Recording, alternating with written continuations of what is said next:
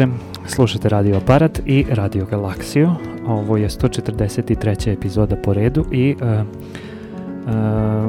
uh, usred smo rata, uh, rata u Ukrajini za koji nema ko nije čuo, a s obzirom da se priča mnogo i o tome kako uh, postoji mogućnost da uh, se aktiviraju neke nuklearne bombe, mislim da je važno da malo pričamo e, i o tome kakve sve posledice mogu da postoje ako bi se e, desio, desila neka vrsta oružanog sukoba nuklearnog e, na planeti, pa čak i između dve zemlje, čak i između jedne zemlje koja ima nuklearno naoružanje i jedne koje nema, kakve će to posledice da ima po planetu i po živi svet i po civilizaciju i to je jedna tema koja dugo postoji, postoji maltene od uh, samih početaka nuklearnog naoružavanja uh, u istoriji civilizacije, što nije bilo tako davno, znači pre uh, četir, koliko, 70 godina, 80, tako, 40 i pete godine je bačena prva atomska bomba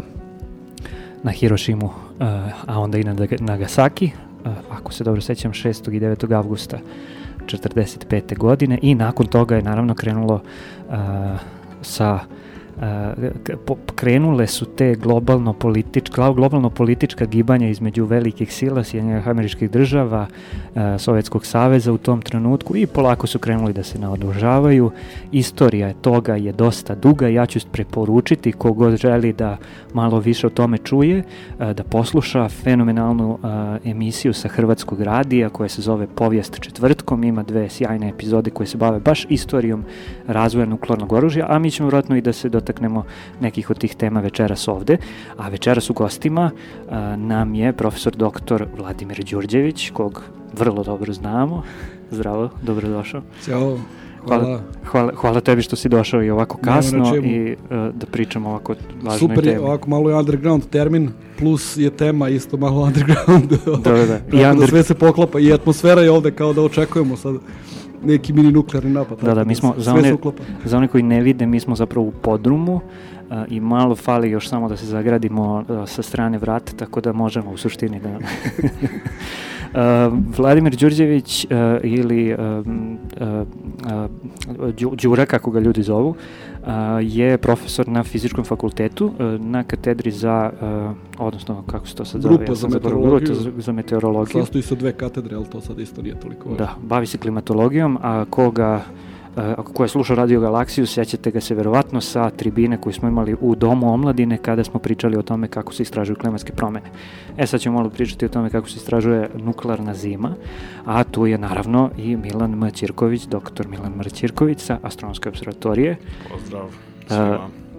zašto je on tu važan, pa po, pored toga što, što, što je važan za ovu emisiju, jer od njega je sve krenulo, Uh, važan je i zato što je, a, a on će da priča malo više o tome, priredio davne 2000, koje, osme godine, da. Prvo izdanje. Prvo izdanje uh, čuvenog zbornika koji se zove Global Catastrophic Risks, odnosno u prevodu na srpske u izdanju Helixa, uh, rizici globalnih katastrofa. U kom postoji jedan deo koji se zapravo bavi pretnjama od ljudskog faktora i jedan od tih pretnji, jedna od tih pretnji je naravno nuklearni rat i ne samo nuklearni rat nego nuklearni terorizam i um, tako da pričat ćemo malo i o tom aspektu. Dobro, sad sam ja napravio možda preveliki uvod, ali ajde da krenemo uh, od možda početka, a to je uh, šta je nuklearno oružje, otkud nuklearno oružje, ne moramo baš od uh, Demokrita i uh, Leukipa i atomizma, ali možemo možda od Lea Silarda. Dobro.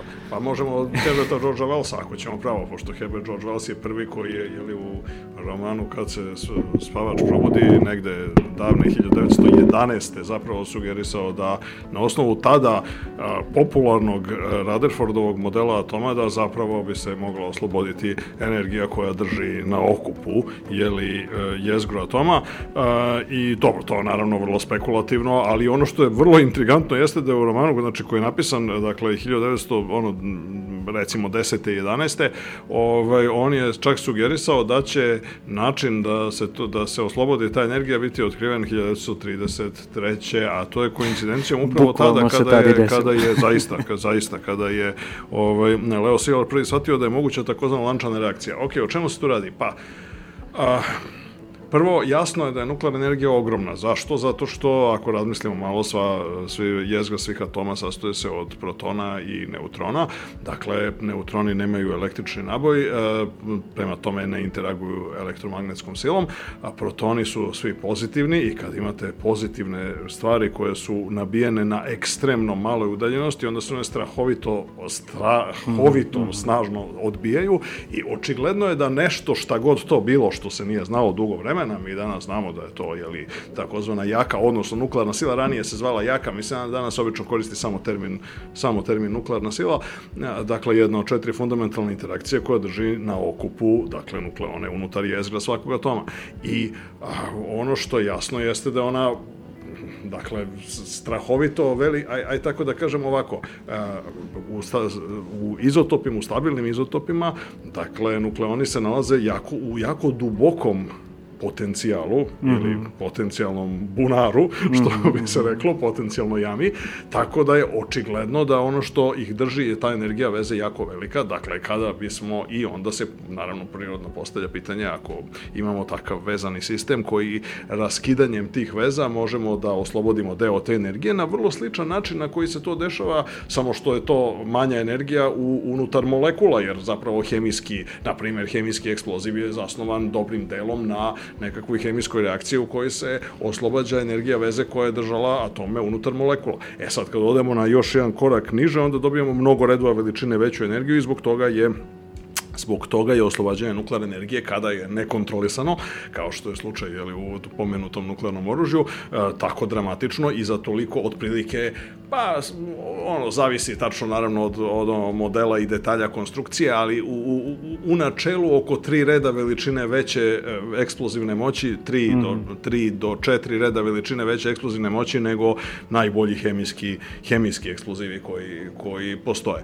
I jednostavno zato što je nuklearna, dakle, sila mnogo jača, mislim, mnogo je veća energija veze koja se oslobađa. E sad, naravno, ono što je, da je to lako uraditi, onda bismo mi, svet bi bio, svemir bio jako drugačiji, ali u ovom realnom svemiru, do nekle srećnim sticajem okolnosti, kad malo čovjek razmisli, ili već neko će reći nekakvim kosmološkim finim podešavanjem, a, stvari su takve da u suštini nema mnogo izotopa kod kojih je moguće osloboditi tako lako mm, ovaj, mm. nuklearnu energiju fisije, dakle da... I nema ih mnogo, zapravo. Ne, nema ih mnogo u smislu, nema mnogo različitih izotopa, a i nema ih količinski. U, da, nema ih mnogo, kao, da, da, nema ih mnogo u sastavu u naše planete da, da, da. ili već, mislim, u obližnjem univerzumu.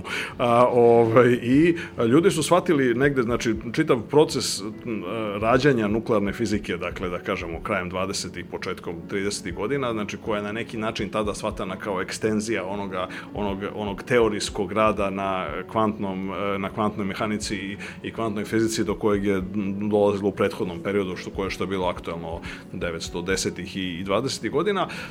Ovaj 30. godina je postalo jasno i vrlo brzo su ljudi e, pre svega e, pojedini veliki eksperimentatori, Enrico Fermi u Italiji, a, Irena Žolio Kiri, njen suprug mm -hmm. u, u Francuskoj, Francuskoj da. i još, još ne, na nekim drugim mestima shvatili da zapravo u suštini a, najrelevantniji izotop za potrebe ovaj, izdvajanja nuklearne energije je izotop urana 235 a, koji se, koji je veoma redak, znači veoma ga malo ima, manje od jednog procenta u prirodi i zbog toga je, zbog toga upravo je proizvodnja srećom po nas, jeli, opet kažem, e, konstrukcija, proizvodnja nuklearnog oružja, održavanje, jako teška, jako skupa stvar kojom što bi se reklo, neće svako da se bavi i zbog toga je relativno, kad pogledamo tu istoriju od 1045. na ovamo, relativno, ja, ja bih rekao da tu, ono, optimista će reći, ono, naravno, čaša do pola puna ili do pola prazna, ne, ja bih rekao da u suštini taj režim nuklearne neproliferacije, odnosno ne širenja nuklearnog oružja, bio dosta uspešan kad sve mi sve saberemo i oduzmemo. Zato što, za, kad, kad ako, misliš? Pa ako pođemo od toga, mislim, znači da vrlo mali broj zemalja, mislim, ima aktivne uh, vojne Aha, misliš do danas, programe da, da, da. do danas. Ne, mnogi, neki koji su imali su to prekinuli, neki su se svečano odrekli toga. Neki su imali do duše tajne koje nikad nisu priznali, kao recimo bivša Jugoslavija, na primer.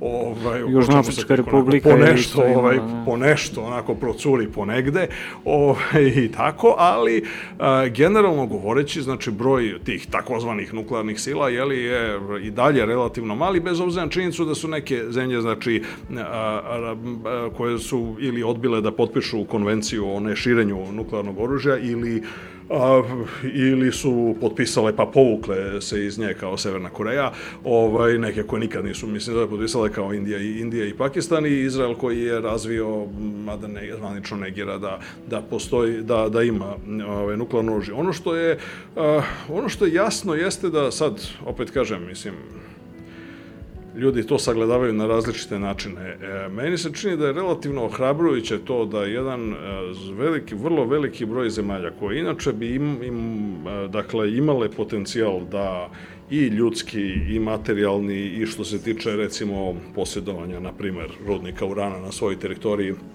i tako dalje, se odrekao toga i jednostavno je a, zaključio da zapravo ništa ne dobija, da tako ekstremno skupim ovaj, ono, a, i to nekle avanturističkim ovaj, vojnim projektima, a da recimo, iako bi ima, kao što rekao, ima kapacitete. Recimo, odličan primer, na primer je Brazil, koji ona ima rudnike ozbiljne, velike nalazišta uranijuma na svojoj teritoriji, dakle, ogromna zemlja, ima resurse. Vojna hunta Brazila, poznata po svojoj brutalnosti, koja je počinila silne zločine tamo ono, i, nad domu, i nad amazonskom prašumom, i nad domo, domorocima, i nad svim neistomišljenicima.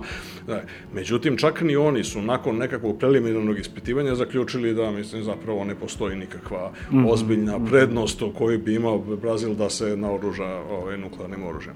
A južnoafrička e, diktatura za vreme apartheida, ovaj, znači belačka Je, manjina, da, je da, da. razvila nuklearno oružje, oni su napravili šest nebojevih glava koje do duše, mislim, taj njihov program imao nekako onako, sad u retrospektivi tako farsične i komične dimenzije, zato što oni recimo su razvili, oni su konstruisali bojeve glave, ali tek posle su shvatili otprilike ili neko nekako su propustili taj deo priče ovaj, da shvate da nisu imali nekakav ono što se kao zove delivery mehanizam, odnosno Transport, način na da, koji da, bi ovaj, na koji bi ih dopremili do meta, mislim, zove kakve god one bile. E, i, I tako. E, tako da je ono ima, recimo, zemlje, kažu, u Evropi, u Evropi su, na primjer, kurioziteta radi, ovaj, tokom perioda hladnog rata, dakle, od, grubo govoreći, od 1945. do 1990. u Evropi su dve zemlje koje su inače zvanično, mislim, bile vrlo za mir i vrlo, ono, protiv su pokušale da izigraju ono sporazum, jedna od njih je bivša Jugoslavija, druga je Švedska, mislim, da stvar bude, ono, paradoksalno, u bivšoj Jugoslaviji su bila dva ta ultra tajna i u suštini, mislim, onaj prvi je bio malo ozbiljniji za vreme Informbirova, pošto tu se, mislim, postojala nekakva vrlo, ipak, realna pretnja, realna pretnja koja je ona imala, imala nekakvo racionalno opravdanje. Onaj posle, takozvani projekat B, početkom 70. godina je bio, ono, onako, čisto... No, dobro, je, da, ali da, da ne ulazimo sad u, u globalnu politiku u tom smislu, to je stvarno odvojena priča, možemo pričamo do, su, do Naravno, ujutru naravno. i tako dalje. Može biti relevantno u smislu što, koji zaključak možemo izvučemo, nije važno samo napraviti bombu, treba imati mehanizme da je baciš. Apsolutno, Da. to je Da, da. jedan od, apsolutno, ne samo to, nego mislim treba znati, mislim zbog čega se to uopšte radi, jer recimo, Da, da. mislim, ono, čitav niz, čitav niz zemalja, mislim, to jeste srećna, oko- srećna okolnosti, zaista. Znači, zemlja kao što je Japan, recimo, gde od, sad postoji tendencija, to je jedna od opasnih tendencija i posledica, mislim, za sadašnjih sukoba, što se sad, recimo, u Japanu, ako pratite malo svetske medije, se pojavljuju glasovi ponovo da bi Japan trebalo da se naoruža, mislim, Japan koji inače ima ima toliko obogaćenog uranijuma na svojoj teritoriji zato što jednostavno ima najveći energets nakon Francuske ima najviše ovaj dakle nuklearnih elektrana. A, i- koji ima dakle, stručnjake, tehničare, ljude, ja verujem da bi Japan bio u stanju za tri meseca ili, možda, ok, možda preteram, ali za godinu dana da, da napravi nuklearno oružje bez problema, da hoće.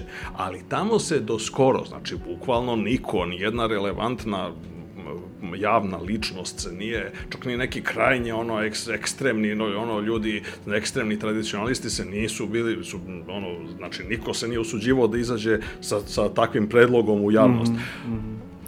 Nakon iskustva sa Hiroshima, Nagasakijem i tako da. E, sad se ispostavlja da evo sad u novije vreme se, dakle, iz razno raznih razloga, pretnja, ne znam, ono, aneksija Hong Konga, kineska pretnja Tajvanu i naravno sad rat u Ukrajini kao najnoviji, sad se čak i u Japanu pojavljuju neki glasovi, još uvek, naravno, manjinski, još uvek marginalni, koji sugeriš i to ta stvar je opasna. Ono što je velika, ono što je velika opasnost od dakle sadašnjeg sukoba i sličnih sukoba jeste da ljudi počnu drugačije da na neki način da se proširi ta fama o tome da je sad nuklearno oružje nekakav nužni garant be, bezbednosti, što naravno to nije i to treba da ljudi razumeju. Znači, Kargilski rat je vođen 1999. tu je poginulo na Himalajima jedno 5-6 hiljada vojnika, što Indijaca, što Pakistanaca, niko ne zna tačno, pošto jedna i druga strana su ono to održale maksimalno tajnosti, između dve zemlje koje posjeduju nuklearno naoružanje, mm -hmm. koje nije upotrebljeno, ali svejedno ih je to nije sprečavalo da se ubijaju ovaj, konvencionalnim putem ovaj, pa da, da, ali, ali znaš šta, čuve, čuveno je ono da zapravo nuklearno oružje od uvek služilo sa time da se zapravo njime preti, ali da se ne iskoristi. I čar,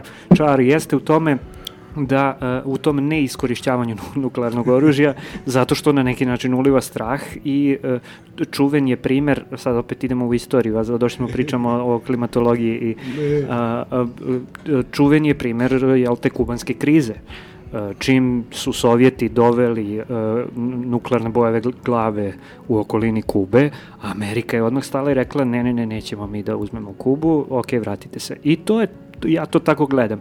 Međutim, uh, mi smo imali u, u istoriji primere kada su bačene atomske bombe, do duše dosta manje nego, uh, nego ove koje danas imamo. To su Hiroshima i Nagasaki i to je nekoliko desetina, da kažem, nuklearnih proba testova. E, imali su neki testovi, su imali tragične posledice, mislim, inače, dakle, imale su, imale su, znači, padavine iz nuklearnih testova su imale tragične posledice, recimo na Domoroce, na Pacifiku, a pa postoje u Sovjetskom savezu je bila takozvana operacija Snežok, mislim, kada je, nažalost, za vreme Brežnjeva namerno bačena, mislim, zove nuklearna bomba blizu tenkovske divizije i blizu sela, mislim, zove koje je stočarskog, da bi se ispitalo kakav je uticaj i na vojnike i na životinje ovaj, i na ljude, mislim, koji tamo žive, tako da... Da, ja mislim da jedna od zanimljivih stvari u vezi nuklearnog naoružanja jeste što puno stvari nije bilo poznato dok nije testirano. Tačno. Mm -hmm. Nisu znali uglavnom kakvi su efekti, znači sve onako za sve je bilo nepoznanica, čak i to bacanje bombi na, Tačno. na Japan. Tačno. I dve stvari koje su isto zanimljive za našu temu u vezi Japana jeste taj, ti požari koji nastaju posle atomskih bombi. Mm -hmm. uh, posle Nagasakija je, posle Hirošime je nastao taj požar, de, dogodio se ono što je možda bilo očekivano, što su, što su pretpostavili da se desi, ali posle Nagasakija nije. I dan danas na neki način možda ostaje misterija zašto se nije desilo do tog paljenja i masovnog požara u gradu posle bacanja atomske bombe. Tako da puno stvari isto Just. ljudima treba da bude jasno da puno stvari je u stvari eksperimentalno je sa, se shvatilo šta se dešava i da su rađeni eksperimenti baš zbog toga da bi se videlo. A bilo inače nuklearnih proba Pa ne znam, ja mislim da je bilo dosta nuklearnih proba. Jeste, više stotina, živih, više da. stotina je obavljeno. Ovaj, I, sad srećom što su ono, zabranjene ove atmosferske. Su bile, da, atmosferske su zabranjene. Da, i, I mislim da ima još jedna stvar ovde može gde po, možemo da povežemo klimatologiju i atomske bombe. Jedan od prvih računara koji je napravljen, ako ne mm. prvi u ovom smislu programibilnih računara, to je ENIAC, je mm, napravljen mm, između mm, ostalog da bi simulirali razne konfiguracije atomskih bombi. Jedna od stvari koje su radili, prvih stvari koje su radili njemu jeste testiranje nekih e, vrsta konfiguracije, zato što je bolje u, imati simulaciju u kompjuteru kompjuteru nego raditi testove no, no, u da, realnom životu. Da, apsolutno. Ali jedna posle toga vrlo brzo, e, jedan od ljudi koji je radio i na razvoju atomske bombe i na razvoju kompjutera, John von Neumann je predložio da se da probamo da prognoziramo vreme na istom tom kompjuteru tako što ćemo mm -hmm, rešavati jednačine mm -hmm. dinamike fluida i to se ispostavilo kao isto vrlo efikasno. Rezultati su bili mnogo bolji nego što su nego što su pretpostavili. U tom smislu na tom računaru je nekako eto isto prvi kompjuter da kažem koji je bio modern kompjuter u današnjem smislu je poslužio i za razvoj atomskog oružja i za razvoj prognoza vremena. Ajde, ajde da, da pričamo o tome.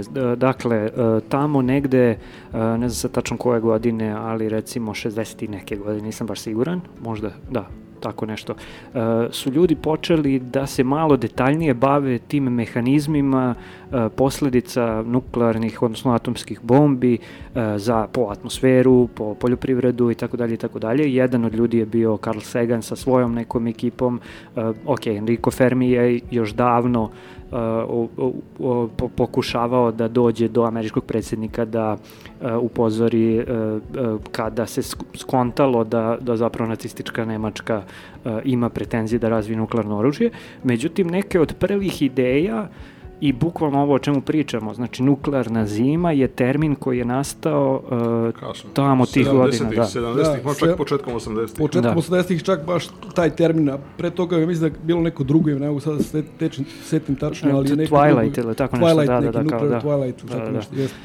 Šta se dešava? Ajde, ajde Da. kako pa ja su mislim se da te tu ideje isto prvo treba možda razjasnimo jednu stvar, pošto uh, u smislu kako većina ljudi doživljava nuklearno oružanje, nuklearni rat i onoga što je možda potencijalno realna, realno najveća opasnost. Prvo, većina ljudi atomske bombe vezuje za zračenje i misli da je kad bacimo atomsku bombu da će sada se pojavi neko zračenje i sve će da nas to zračenje nekako Istopi. is, isprži, istopi. da. A u stvari glavni efekat nuklearne bombe jeste taj prvi udarni talas od pritiska koji bukvalno ruši sve pred sobom i postoji jedan dobar radijus koji može da bude porušen, a posebno danas kad pričamo o ovim snažnim nuklearnim bombama, neki od nuklearnih bom- bombi su vratno u stanju da sravne sa zemljom gradove veličine Pariza ili dobar deo takvog grada.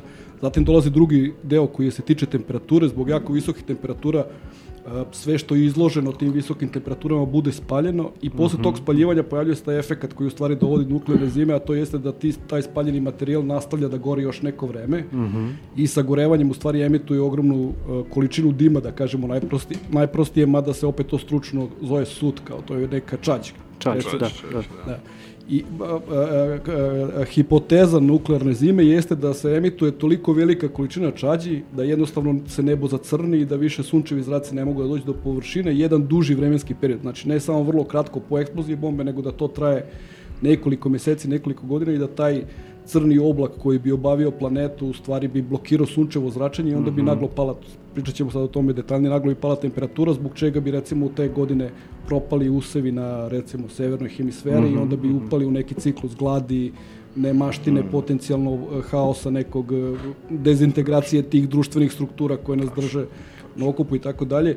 I tu na kraju ispadne da je to zračenje koje ljudi najčešće doživljavaju kao atomsku bombu, da će nas bombe da izrače, u stvari je neki nus efekat celog tog procesa. Atomske bombe se i ne bacaju zbog toga da bi ljudi bili ozračeni. Prvenstveno efekat, uglavnom kad se čita o nuklearnom naoružanju i korišćenju bombi, jeste taj psihološki moment da vi u jednom trenutku vidite grad i posle par sekundi više ne vidite grad i vidite gomilu ljudi koji su, da kažem, sprženi, zato što u radijusu od 20-30 km, ja mislim da su otprilike ono ljudi koji su direktno izloženi tom uh, toj temperaturi imaju opekotine drugog stepena, to su opekotine koje zahtevaju bolničku negu, jednostavno takvi ljudi ne može da spasite, umreće u najgorim mukama vr- vrlo brzo. Plus toga dolaze te, ti nus produkti koji su efekti uh, radioaktivnog zračenja i izlaganja radioaktivnom zračenju, koji su onda mo, možda i malo dugoročniji, ali opet kad gledamo neke stvari koje su se desile po, što koje se tiču nuklearnih akcidenata, recimo Fukushima je isto dobar primjer, znači puno ljudi je bilo izloženo zračenju, a u stvari sad opet tu se malo spekuliše brojima, ajde da kažemo nekoliko stotina, stotina mada broj idu i do preko hiljadu, da je u stvari njih stradalo u toj panici kad su čuli da, se da, desi da, nuklearni da, akcident tačno, tačno. i da su ono u stampedu Da, da, da. pretrčali Da, da, jednih da, preko da, drugih. Da, da, tačno. Ljudi su vozili preko mostova koji su bili srušeni u zemljotresu. da, da. Dakle, ljudi ne shvataju jednu stvar. Da, baš recimo to, taj zemljotres, ljudi pominju to kao 2011. Fukushima, a ne shvataju da je 2011. bio taj Tohoku zemljotres koji je bio najjači u istoriji Japana, mislim, i treći najjači od kako postoji seizmologija na planeti. Mislim, tako da, to je 36.000 ljudi je poginulo od zemljotresa, a od tsunami. Zračenja, mislim, možda nekoliko. Mislim, Da, a od zračenja je mnogi bra, mno- mnogo manje broj žrtva. Naravno i sad ti efekti zračenja su dugoročni, treba to, dosta je e, teže da kažem i metodološki sad iz, izdvojiti bolesti možda nekih koji se javljaju, da li se javljaju zbog toga ili se javljaju zbog nekih drugih efekata i tako dalje. Teško Tako da, uspostaviti uzročno posljedno. generalno pričano sad kad pričamo o nuklearnom napadu, glavna ideja nije da se stvori neko zračenje, da se mi krijemo od zračenja, treba se kriti od zračenja u početku, ali osnovna ideja jeste ta mas, masovna destrukcija masivna destrukcija sve moguće infrastrukture koja je pred našim očima i ogromni požari koji onda dodatno spaljuju tu in- infrastrukturu i emituju ogromnu količinu uglavnom da kažemo ajde nekog crnog dima, znači jednostavno kao da ste u džinovskom oblaku od jednog ogromnog požara i kad pričamo o nuklearnoj zimi, osnovno pitanje je koliko bi takvih požara moglo da se izazove u zavisnosti od toga koliko bacimo bombi. Jedna bomba verovatno ne bi mogla da prekrije celu hemisferu crnim nebom, ali postoje sad pitanje kad mi počnemo da dodajemo potencijalni broj, broj bačnih bombi, na kom to broju mi dovoljno emitujemo te prašine da, da se to desi. I onda se sad postavlja, to ćemo pričati detaljnije, verovatno oko emisije, postavlja se pitanje ka, koji su uslovi treba da se ispune da bi taj oblak dima ostao dugo da visi nad nama na celoj hemisferi. Znači, ako bi on tu ostao mjesec dana, verovatno se ništa ne bi desilo, ako bi potencijalno ostao nekoliko godina, onda bi potencijalno mogli zaista da imamo taj efekat da se recimo planeta u relativno kratkom roku ohladi za nekoliko stepeni, što je potencijalno opasno. Ok, sve ovo što smo do sada ispričali zvuči kao uh, onako intuitivna, uh, teoretska, odnosno, kažem, fenomenološka ideja koja bi mogla zapravo da proistekne od maltene bilo kog naučnika sredinom 20. veka ili čak i ranije, što da ne, uh, uh, koji zapravo razume to kako otprilike funkcionišu procesi u atmosferi i koja je otprilike količina energije koja se oslobodi i tako dalje i tako dalje.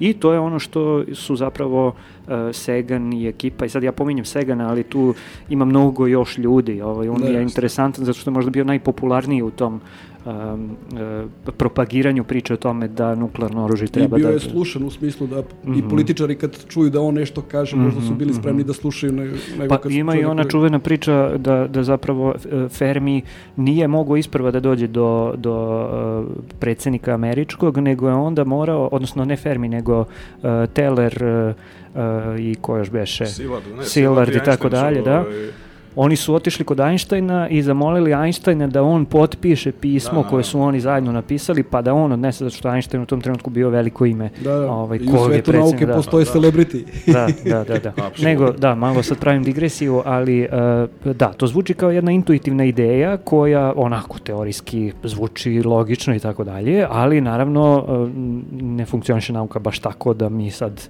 imamo neku ideju i to je to, nego moramo nekako to da ispitamo. I sad pomenuo si a, prve računare, Uh, i prve simulacije svega toga, kako je to funkcionisalo uh, tih godina, šta su bili prvi da, neki rezultati? Prvi rezultati koji su napravljeni, napravljeni su s nečim što mi danas smatramo takozvanim malo primitivnim numeričkim modelima klime i atmosfere, Zato što postoji i dan danas u modeliranju klime postoji ta hijerarhija klimatskih modela, od modela takozvane nulte dimenzije, gde se zemlja smatra jednom čvrstom mm -hmm. loptom oko koje postoji neki gas i onda ajde da vidimo šta se dešava na čvrstoj mm -hmm. lopti, pa onda postoje modeli s jednom dimenzijom, s dve, tri i tako dalje, tako da taj prvi model koji je korišten za to bio je takozvani jednodimenzijni model u smislu što je samo cela naša klima i atmosfera bila je predstavljena kao jedan vertikalni stub vazduha mm -hmm. kroz koji treba da prođe zračenje i kad zračenje prolaze kroz taj stub vazduha uspostavlja se nešto što je isto zanimljivo možda da spomene ovoj temi, uspostavlja se nešto zove rad, radijativno konvektivna ravnoteža, vertikalna, mm -hmm. koja postoji recimo i na suncu, ne samo na zemlji, mm -hmm. to je isto mhm, zanimljivo mhm, ljudima. -hmm. Znači,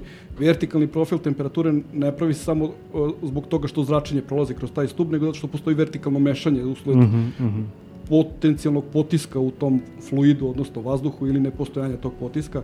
Tako da to je, to je nulti, nulti e, model, jednodimenzionalni model služi da napravimo taj radijacijno konvektivni mm -hmm, profil mm -hmm. i u takvom modelu vi možete da kažete da imate određenu koncentraciju prašine ili tog suta ili čađi na nekom nivou i da vidite kako će nam se pro, promeni taj profil temperature u zavisnosti od, od dodavanja te čađe i koliko ta čađa dugo stoji na nekoj visini. Mm -hmm. Tako da ti prvi modeli su dali neku grubu pretpostavku koliko bi te čađe moglo da bude, gde bi ona mogla da se nalazi i kako bi se promenio taj profil temperature i rezultati su bili dramatični u smislu što je prizemna temperatura vazduha pala za preko 10 pa i 20 stepeni.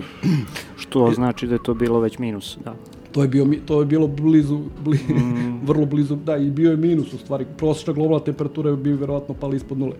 E sad, e, e, ključno pitanje koje dan danas se ovaj, da postavlja kad pričamo o svemu tome jeste kako, vi zadrž, kako da zadržimo prašinu da stoji na nekoj visini jako dugo. Mm -hmm. Znači, to je glavno pitanje, pošto kad bilo koja prašina da se nađe u vazduhu, pa čak i taj čađ, recimo od požara ili neki kako isto mi kažemo prirodni aerosol, znači recimo prašina koja se podigne sa površine pustinje pa ode negde na visinu, da, da, ili recimo razni aerosoli koji izlaze iz procesa sa ovih industrijskih i tako dalje. Znači mm -hmm. oni uvek negde kruže u atmosferi.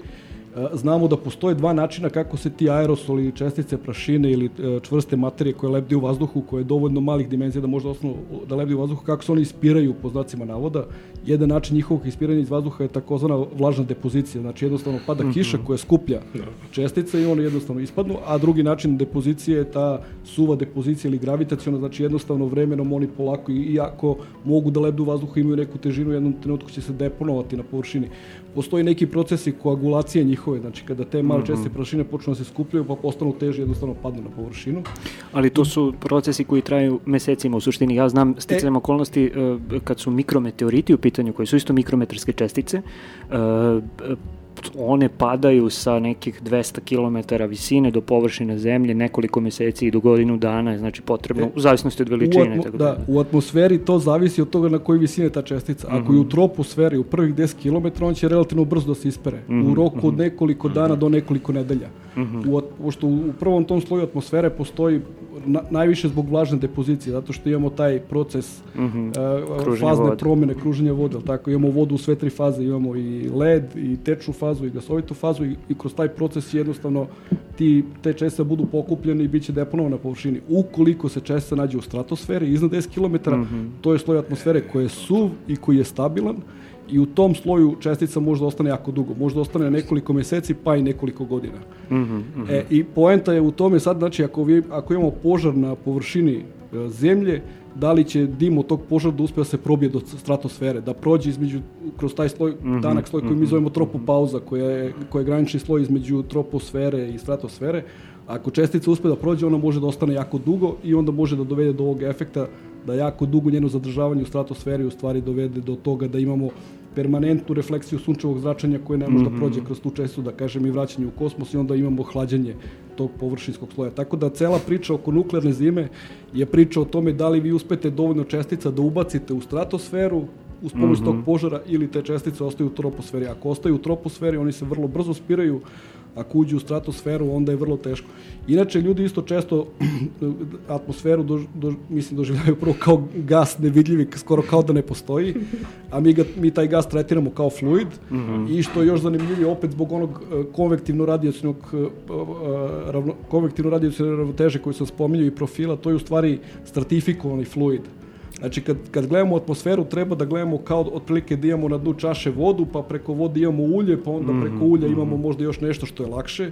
Vrlo odvojene slojevi. Da, da, odvojeni su slojevi i isto je vrlo važno da se ti slojevi vrlo redko i na vrlo specifičnim mestima mešaju. Da. Mm -hmm. Znači, ne dolazi do mešanja. Vi da bi vodu i ulje u čaši pomešali, mora onako baš dobro da promešate. Mešanje između ta dva sloja je vrlo teško. Slično između troposfere i stratosfere. Vrlo ih je teško promešati i čak postoje načini detekcije, da kažem, isto uz pomoć ovih uh, radioizotopa kao što je recimo Beryllium 7 koji se produkuju u stratosferi kroz neke mm -hmm. fotoprocese, kad u prizemlju imate veliku količinu Berylliuma 7, to je znak da je vazduh iz stratosfere nekako uspeo da se probije do, do površine. I to su vrlo retke situacije, mogu se detekti u merenjima zato što u tom trenutku koncentracija Berylliuma značajno poraste. Tako da kažem opet, kad, kad pričamo sad o ovoj temi, treba da znamo da je atmosfera troposfera je voda, stratosfera je ulje, ako ubacim čestice ulja, one će tu ostati jako dugo, ako ostanu u vodi, u donjem mm -hmm. sloju atmosfere, onda će one relativno brzo da speru. I to je, oko toga se vodi i do dan danas malte ne debata o, o problemu nuklearne zime, prvo koliko će česta da bude emitovano i onda da li će te česte da uspeju da uđu u stratosferu ili neće uspeti da uđu u stratosferu. Postoje primjeri iz prošlosti mm -hmm. gde se desilo jedno i drugo i onda u odnosu na to znamo da ishodi mogu da budu dramatično različiti.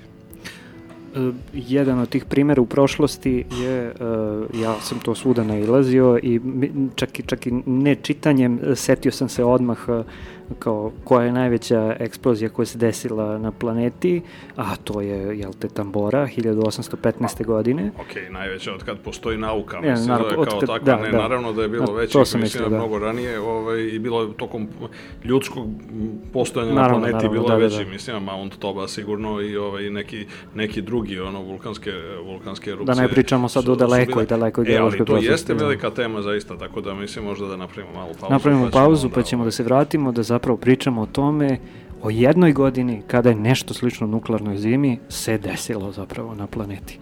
slušamo jednu kratku pauzu pa se vraćamo.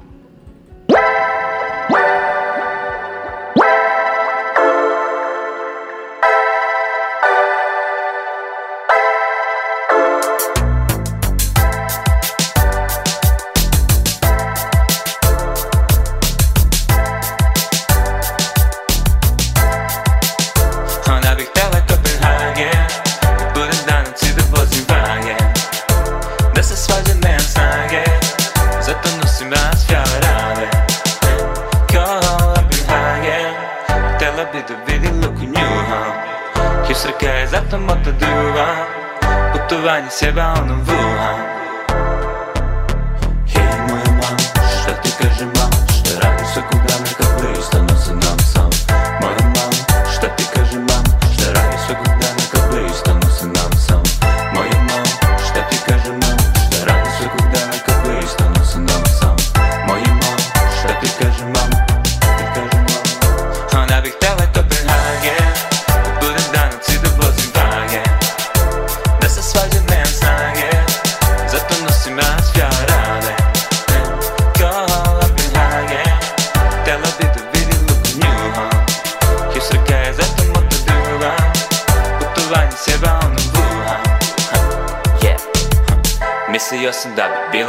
bila dobra fora Da izvukova mora Uzmem onaj sa severnog mora. Gde hara Harald Gonson Jako Dwayne Johnson to uradilo je posao Ali slušaj oče, hajde peva Nemoj da si ljud Što po ko zna koji put Izmišljam sve ko lud, lud. Pričam priče kako idemo na put A ja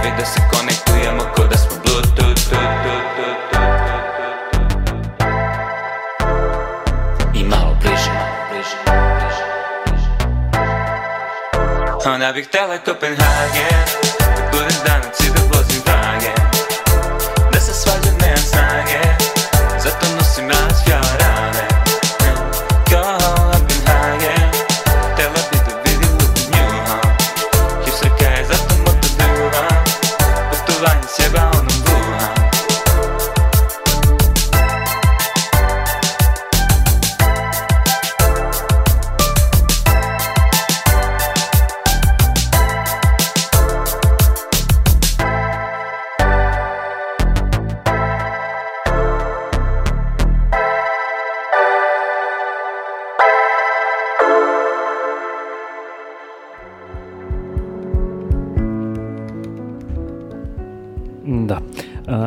nazad i e, e, dakle u istoriji planete Zemlje i, i koliko pamtimo i od kad postoji nauka imali smo e, neke primere gde su se desile pojave koje mogu zapravo da nam e, koriste e, da e, da imamo neke podatke i neke, neku empirijsku evidenciju koja bi mogla da nam kaže koliko su ove naše ideje e, o tome kako funkcioniše ta depozicija čestica u atmosferu i kako bi mogla funkcioniše nuklearna zima, e, zapravo e, ispravne. I e, jedno od tih, ja sam pomenuo eksplozija velikog vu- vulkana Tambora 1815. godine, koja je dovela do toga da 1816. godina bude poznata kao godina bez leta. I čak je Lord Byron pisao o tome i mnogi i tako dalje. Ja sam našao jednu ovaj, sjajnu njegovu pesmu koja se zove Darkness. Nisam je našao na srpskom, ali, ali eto možete pročitate koja govori upravo o tome kakve su bile posledice te 1816. godine. Milane, šta je bila Tambora i, če, i Pa, čega je još bilo? Ok, pre nego što, mislim, ok, Tambora je očigledno, znači, bila, to je najveća vulkanska erupcija, znači, koja se desila od kada se postoji, ajde da kažemo, geonauke kao nauke, mislim, dakle, to ne znači da se, nije, da se nisu dešavale veće, dakle, verovatno najveća koja se desila od kad postoji čovjek kao homo sapiens na zemlji je bila Mount Toba pre oko 75.000 godina, ali tada, naravno, postali su naši preci, ali, mislim, nemamo nikakvih tragova materijalne kulture, praktično ono iz tog doba. U istorijskom dobu postoje, recimo, postoji Mount Taupo a, erupcija na Novom Zelandu koja se desila negde, verovatno negde oko trećeg, četvrtog veka naše ere, ali tada je Novo Zeland, Novi Zeland bio ili nenastanjen potpuno ili veoma redko nastanjen i jednostavno njeni efekti su, neki kažu, bili povezani sa promenama klime u pozno rimsko doba, ali opet to je jako teško dokazati bilo kakvu kauzalnu vezu među toga. 1815. je ipak nauka počela da postoji i ono što je zanimljivo za, za taj period 1815. da su nešto pre toga su se pojavili u Evropi i u Severnoj Americi i Evropi, dakle pojavili su se oni kućni termometri. Dakle, ljudi su počeli, izumeli su kuće termometre i onda su mnogi ljudi, posebno bogati, inače to je kao i svako drugo, svaki drugi ono izum koji mi danas uzimamo zdravo za gotovo, bio ekstremno skup i egzotičan stvar kad se pojavilo. I onda su to neki ugledni ljudi, recimo Johann Wolfgang von Goethe je u Weimaru, mislim zove, imao termometar i onda je svako jutro gledao kolika je temperatura i beležio to u svoj dnevnik. Nešto slično je radio bivši američki predsjednik Thomas Jefferson na svom imanju Monticello u Virginiji i zahvaljujući tome što su ti istaknuti ljudi jeli, sačuvali svoje, odnosno sačuvani su njihovi dnevnici. Mi imamo prilično dobru ovaj, vremensku seriju ono merenja, sad naravno nepreciznih i tako dalje, možemo da diskutujemo o tome koliko su bili ono, jeli, tačni i precizni termometri tog doba, ali to su oni sa živom i šta ja znam, možda su imali one bake i deke koji ono, izlaze iz kućica i tako dalje, ono sve one zanimljive stvari koje možemo da vidimo ovako nekim izložbama nameštaja i sličnim stvarima. Ove, dakle, ali to je tada počelo bio i onda su ljudi primetili da je 1816 zaista bilo, znači u nekim delovima Evrope je to bila najveća glad u periodu između, recimo, grubo govoreći, na primjer, Francuske revolucije i današnjeg dana. Dakle, je vladala najveća, najveća glad i najveći ovaj, dakle, gubitak žetve i ovaj, opadanje jednostavno prinosa poljoprivrednih kultura zabeleženo 1816. po svemu sudeći i a, ljudi kažu to je dakle jedan dokaz da postoji nekakva a, efekat vulkanski, efekat vulkanskih erupcija na klimu, koji je kasnije naravno testiran, mislim, mi sad u to doba ipak je to, jeste postojalo nešto što se zvalo, ili filozofija prirode, što bismo danas smatrali naukom, ali nisu postojala baš precizna sistematska ozbiljna mm. merenja kako su razvijena u 20. veku. U 20. veku, tokom nekoliko poznatih vulkanskih erupcija kao Mount St. Helens recimo ili ovih erupcija vulkana na Havajima i tako dalje je a, smo imali prilike da iz, da utvrdimo te neke stvari empirijske. E sad, to su bile mhm, relativno male e, e, male eksplozije. Tambora je značajan po tome što to je bila zaista eksplozija koja je, znači ta planina, sama planina Mount Tamboro je bila skoro 2 km viša pre eksplozije nego posle. Sad zamislite šta znači svako ko je otišao bilo gde u planinu, zamislite šta znači skoro dva vertikalna kilometra, dakle, mm -hmm. dakle planine, koja je to količina materije bila izbačena, mislim, sad, da li će ona doći do stratosfere, da li, mislim, tako da to je drugo pitanje, to su, ono što je jasno jeste da su stvari koje su lansirane sa obronaka planine, su padale, ljudi su zabeležili da su, ne znam, ono, bukvalno stabla, trupci, stabla drveća, mislim da su padala po ono 50, 60, 70 km daleko, mislim da je od samog vulkana.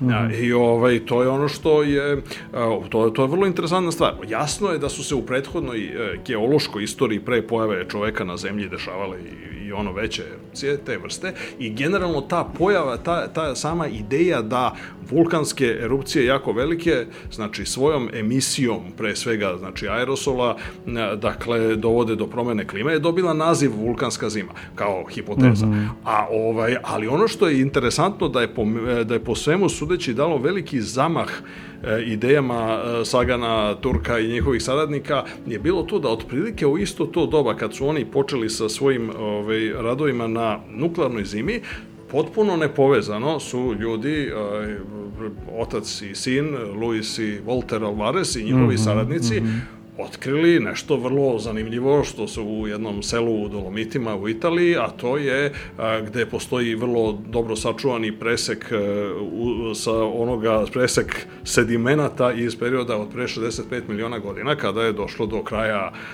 ovaj, mezozoika i početka kenozoika ili do kraja, kako se ranije govorilo, krede početka tercijara, danas je paleogen umesto tercija, znači e, danas je Čuna granica KPG. kreda paleogen, odnosno KPG. A, dakle, i a, kada su izumrli, najpoznatiji je naravno izumiranje dinosaurusa, ali ne samo dinosaurusa, oni su ovako u pop kulturi ono poznati i zastupljeni, ali amonita, gomile drugih, ono procenjuje se možda čak 40% životinskih vrsta. Ovaj, je sumrlo u tom jednom velikom.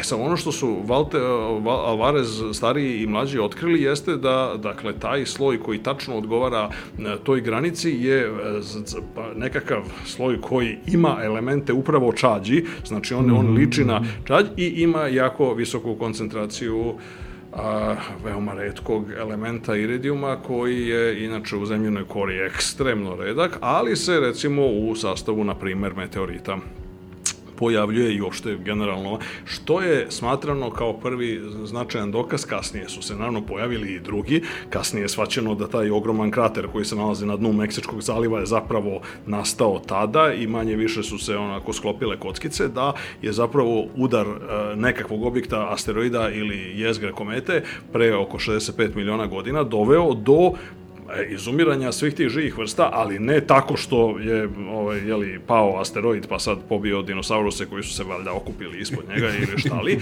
nego tako što je izazvao klimatske promene koje su bile suviše ekstremne za njih, mislim da bi pre, jer ok, s, naravno da je direktno razaranje na mestu u blizini pada, jeli, kratera i tako dalje bilo ogromno i teško rečima Pa da, ali, predočiti, ali pošto na, ne suprot, možemo... na suprotnom kraju planete su oni dinosaurus koji su tamo živjeli su vjerojatno možda osetili neki mali potres Pa, i bili u e, fazonu, o- ok, ovaj, ništa, nastavljam da jedem. Pa ono što je jasno jeste da jeste da znači ti neposredni efekti bez obzira koliko bili dramatični, koliko bili onako ovaj ono filmični i tako dalje i ono izazov za predstavljanje u nekakvom ono pop kulturnom miljeu, ne, ovaj dakle oni su ipak ograničeni. A sad možemo da kažemo da se radi o tu ono par stotina kilometara i par hiljada kilometara eventualno, ali to je još uvijek mnogo manje od sve. Ono na način na koji takav događaj i drugi potencijalni veliki sudari, odnosno impakti, utiču je ono što je od tada počelo da se naziva sudarnom ili, ili impaktnom zimom. Dakle, sudarni impaktna zima po analogiji upravo sa tim nuklearnim. Znači, u suštini imamo a, Odnosno, tri neke, zima, imamo tri neke vrste te, te takve te neke znači ono nuklearnu zimu, vulkansku zimu i sudarnu zimu koja ne, koje zapravo ukazuju na e, naravno da je to vrlo grubo govoreći, naravno je to vrlo neprecizno, ali ukazuju na, na, na slične fenomene, pre svega na, na neki način izbacivanje velikog broja čestica, ne, ovaj o čemu je vlada govorio, dakle u, u dovoljno visoku atmosferu da one nakon toga e, ostaju dovoljno dugo utiču na transfer energije sa sunca do ovaj, površine zemlje i do nižih sloja atmosfere i samim tim dramatično u nekim slučajima, posebno sa stanovišta nekog živog sveta, ovaj menjaju menjaju e, klimu. A, u slučaju a, vulkana jasno je da imamo nekakvu kinetičku energiju tih stvari koje se znači ta eksplozija šta kakva god ona tačno bila, da li ona piroklastična ili nekad sporija i tako dalje, znači ona izaziva jednostavno postoji neka ono gradijent pritiska koji jednostavno dovodi do toga da da se eksplozivno izbacuju razne stvari. Što se tiče uda, sudara, to je prilično jasno, mislim, nijedan sudar realnog meteorita neće, nijedan meteorit ne dolazi iz zenita, mislim, on se neće, on neće udariti, čak i kad bi udario vertikalno gore, onda bi verovatno e, izbacivanje emisija materijala bili najmanji. To je uzre budi rečeno jedna od stvari koja je potvrđeno ovaj, prilikom nuklearnih testova, a to je da zapravo u mnogim slučajima, dakle, e, po, e, znači, efekti udarnih talasa i tako dalje su najmanji ispod same, ovaj, dakle, čak i ono što je interesantno da u Hirošimi i Nagasakiju neke zgrade koje su bile u epicentru, mislim da su ostale da stoje. Nije samo to, E, nego ovaj, imali smo 910. godine u uh, Tungusku eksploziju, gde... 908. jeste. 908. da, izvinjam. Jeste, jeste, gde su bili Gde, porušena, kad se porušena šuma, stabla, osim u samom, osim Samom u samom centru, centru, da. A, ovaj, to je jedna stvar. A, e, Zbog sabiranja re- realan, da. realni meteorit najčešće će da upada pod nekakvim uglom i to relativno velikim uglom. Tokom tog perioda, e, zbog toga će on e, doći će do jednog velikog lateralnog transfera impulsa koji će dovesti do toga da se ogromna količina iskopane materije jednostavno, plus delovi samog impaktora, zavisi opet kakva je njegova mehanička ono, struktura, kakva Mhm. je njegova konzistencija, dakle, čega, da li je on pretežno ledeni ili pretežno stenovit ili pretežno, ne znam, metalni i tako dalje, zavisnosti od toga, a, dakle, će biti izbačena materija ne, i to čak kažu da, znači, materija može prilikom tih impakata, bar pokazuju ove neke planetološke simulacije i modeli koji su rađeni, da može, jedan deo materije može bez problema da izleti čak u orbitu oko Zemlje prilikom dovoljno velikih impakta, mislim da se može da uđe u orbitu i, i, ovaj, i onda eventualno, pošto ne može baš u neku visoku orbitu, onda on uđe u atmosferu i uđe u, u nisku orbitu tokom koje interaguje sa atmosferom, pa se ponovo vrati, mislim, zove nakon što izgubi zbog trenja, zbog trenja izgubi kinetičku energiju i, i, i vrati se nazad. Ali takve stvari su moguće, čak neki tvrde da zapravo ovi, mi, mi kad nađemo meteorit sa Marsa, recimo kao što je onaj čuveni ALH 84001 na Antarktiku, ovaj, dakle da je on izbačen sa Marsa zbog toga što je nešto udarilo o Mars, znači nešto udarilo od Mars pod dovoljno velikim uglom, izbacilo gomilu stvari koje su dobile tako veliku ovaj, kinetičku energiju da su neki od njih jednostavno ušle u heliocentrične putanje koje presecaju zemljenu orbitu i ultimativno nakon više miliona godina ovaj, se udarilo o zemlju. Skoro smo imali jedan rad ovaj, uh, i to baš sa ovog našeg, što bi se reklo, prijateljskog univerziteta uh, Curtin u Australiji, Dobro. koji su analizirali Northwest Africa meteorit, koji je nastao pre 3,46 uh, uh, milijardi godina na Marsu u nečemu što je verovatno bil, bio bila završna faza ono, kasnog teškog bombardovanja i tako dalje. Pričali smo o tome u ovoj prethodnoj e, epizodi, da ne, da ne pominjem sad to previše i da ne idemo sad previše u tu impaktnu priču.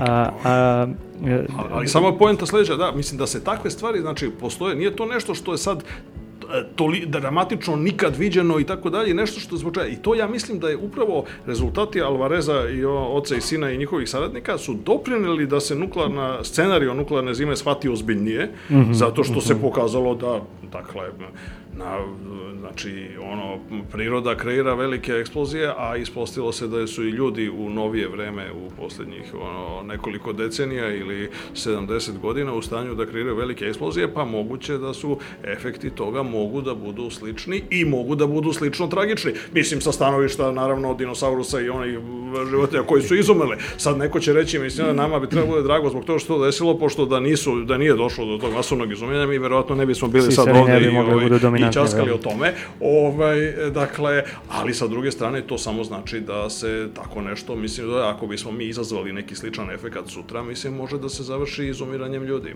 ovaj, i drugih ili životinskih vrsta. Da, da.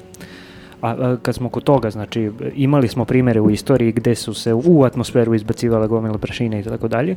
Malo pre si pomenuo, Đuro, da a, je samo pitanje da li će doći u stratosferu ili ne. Od čega zavisi da li će takva jedna količina prašine da dođe u, u, u stratosferu.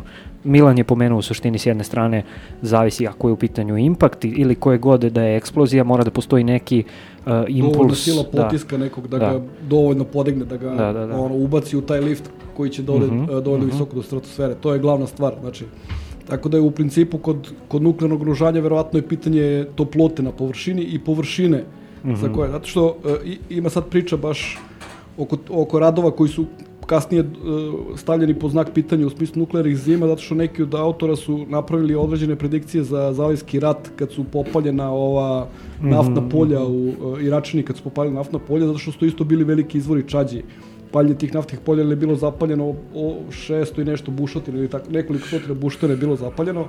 Mm -hmm. I ono gde su oni pogrešili, njihove predikcije su isto bile mnogo dramatičnije nego što se stvar na kraju razvila. Ono gde su oni pogrešili jeste što taj dim ipak nije uspeo da se podigne tako visoko, nego je ostao u prizemnim slovima troposfere i onda je relativno mm -hmm. brzo spran, baš padavinama. Mm -hmm, mm -hmm. Tako da je e, ovaj, uh, uh, nije samo poenta, sad opet ako zamišljamo naftnu bušotinu, to je relativno mali presek, da kažem, iz kog kulja vatra na neki način Poenta je da na većoj površini imate jako visoku temperaturu koja će da napravi taj dodatni potisni efekat i da sve to pored eksplozije, znači od samog udara, sam materijal koji bude emitovan u, u više slojeve, onda kroz taj požar, ako je na velikoj površini visoka temperatura, taj požar će da pomogne da se to prenese neku stratosferu. E, do dan danas isto to do kraja niko nije razrešio kako, kakav tačno, kak, kako da kažem, kakva anatomija požara treba da bude da bi se to desilo. Znači, poenta je samo da posle e, ispaljivanja nuklearne glave dođe do masovnog požara koji će da gori određeni broj sati, a možda i dana i koji će da uspe da emituje tu količinu toga i naravno što više ima takvih požara, veći su šansa to. Tako da te najpesimističkije prognoze u, u okviru toga što je, što je neka teorija nuklearnih zima, predviđaju u stvari da bude nekoliko stotina takvih požara širom planete. Znači, pa predviđaju da se u stvari mm. dođe do masovne razmene između nuklearnih glava dve zaraćite sile. Najčešće se radovi fokusiraju na razmenu nuklearnih glava između Rusije i Amerike, uh mhm. -huh. zato što i, i, i to ću sad opet da povežem malo s vulkanima, uh, ovaj, uh, to, to, to isto možemo da podvučemo, ta priča o tome gde se dešavaju ti požari, da li se dešavaju u umerenim širinama ili se dešavaju uh -huh. u tropima, to isto, u tom isto postoji razlika. Zašto? I postoje neki radovi, da, vraćam se, i postoje neki radovi koji se recimo fokusiraju na razmenu nuklearnog naoružanja između Pakistana i Indije, to je uh -huh Milan Pakistana znači, i Irana, da, da, u stvari u tom da, delu, kao, to je kao lokalizovano. Lokalizovan, zapravo, da, da, i na primjer ti radovi između Pakistana i Indije su na primjer pokazivali možda neki veći impakte nego razmena nuklearnog oružanja između Amerike i Rusije, zato što je to bliže tropima. Na nižim geografskim širinama. Širinama. Da. Kad se takve stvari dešavaju u tropima, iako je troposfera deblja u tropima lakše nekako da se taj, e, ta količina e, e, prašine podigne na veću visinu, mm -hmm, mm -hmm, jer su -hmm. vetrovi u principu, sad to malo je ovako stručno, ali atmosfera tropska atmosfera je drugačija od atmosfere umerenih širina. Tropska atmosfera no, je više da, da, neka, kako mi kažemo, divergentna atmosfera, u kome divergencija, znači sakupljanje i širenje nekog horizontalnog vazduha igra glavnu ulogu, dok u umerenim širinama vrtložni deo kretanja, to je ono što vidimo u slavetskim slincima, te džinovske vrtloge, uh mhm. -huh. oni imaju važnu ulogu i nekako su ti vetrovi koji, da kažem, nekako guraju sve, uglavnom od zapada ka istoku, češ, često presudni u smislu da vi ne uspete nekako da, da nešto podignete dovoljno visoko, da se ono već razvodnji na tom putu aha, podizanja, aha, dok je u tropima. E sad da povežem sa vulkanima, isto baš kad pričamo o vulkanima koji, koji da kažem, hlade planetu, je, najskoriji primer koji je bio detaljno analiziran jeste Pinatubo, ja mislim da je on bio 92. godine. Mm -hmm, mm -hmm. I ljudi koji su razvijali klimatske modele, oni su iskoristili baš Pinatubo da testiraju klimatske modele kao alate za predviđanje prognoze glob, prosječne globalne temperature i to su radili na primjer uspešno i Pinatubo je bio tropski vulkan, to, to, vulkan da. koji je uspeo da, da emituje ogromnu količinu čađi i posebno u pitanju vulkana sumporovih oksida, zato što sumporovi oksidi jako odu u stratosferu kao -hmm, gasovi, mm -hmm. prođu kroz proces partikulacije i iz njih nastanu, nastanu čestice. Tako da kad pričamo o vulkanima i njihovom potencijalu da, ovaj, da rashlade planetu, vulkani koji su, da kažem, opasni su tropski vulkani koji emituju puno sumpora. -hmm. Tako da sad isto posljednjih godina svaki put kad se desila neka iole veća vulkanska erupcija, odmah se postavilo pitanje, aha, evo sad ćemo da zustavimo globalno zagrevanje bar na godinu dve, pošto je bila vulkanska erupcija.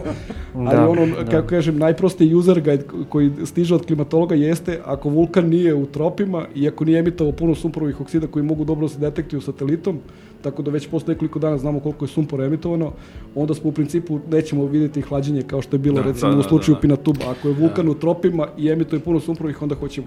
Čekaj, to, to sugeriše da zapravo nuklearni rat može da reši problem globalnog zgrevanja? Pa, na, na nekoliko godina pa, potencijalno, da. pa, čak postoji, čak, malo, čak ovaj, jedno, da, vreme, naravno, jedno vreme je bila popularna, ja mislim da je sad već izašla iz mode, ali jedno vreme kad su diskusije bile, ono, u ranije vreme kad je ono, kad su podaci bile manje izvesni i tako dalje, recimo da kažemo 90. godina, mislim zove, ili početkom, 20, početkom 2000.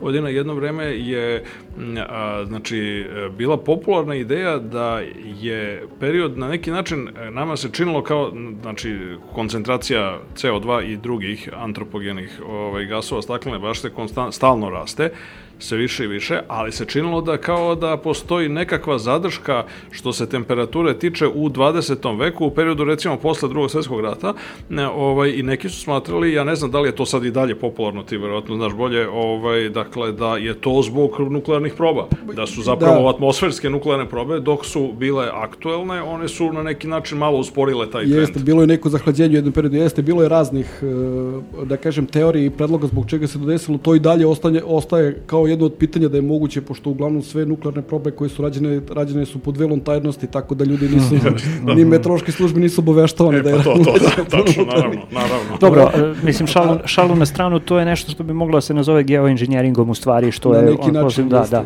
da, ali ovde nije u pitanju to. Nije, nije, da. Ne, ne žele tako da, tu vrstu geoinženjeringa. da, da, da. Tako da u smislu relevantnosti za našu priču, znači kada pričamo o nuklearnoj zimi, između oslog jedan od parametara koji, u koji bi trebali da gledamo i koji opet unosi neku vrstu neizvestnosti jeste da li do, prvo da, da bismo videli merljiv efekat mora da dođe do masovne razmene nuklearnih glava, znači ukoliko je taj broj manji od 100, verovatno neće nikakav efekt, efekat će biti e, previše mali da bi mogo da bude detektovan, znači mora da, da, da se puno razmeni nuklearnih glava i postavlja se pitanje isto gde, gde se te glave razmenjuju, da kažem, gde uh -huh. se mhm. ispaljuju, da li se ispaljuju između Amerike i uh, Rusije uh, na severnim geografskim širinama ili se to dešava negde bliže tropima kao što je. Tako da rezultati koji se bave Pakistan, Indija i rezultati koji se bave tim slučajem Amerika, Rusija, ne daju jednoznačne rezultate u smislu tog što, što se dešava. I još -hmm. jedna stvar je presudna isto, pošto pričamo sad na izvestostima, različiti su ishodi ukoliko se ta masovna razmena desi u toku leta i ukoliko se desi u toku zime. Mm -hmm, mm -hmm. Pošto su da, pa, da. smanjenje temperature mnogo veće ukoliko se desi u toku leta, pošto glavni taj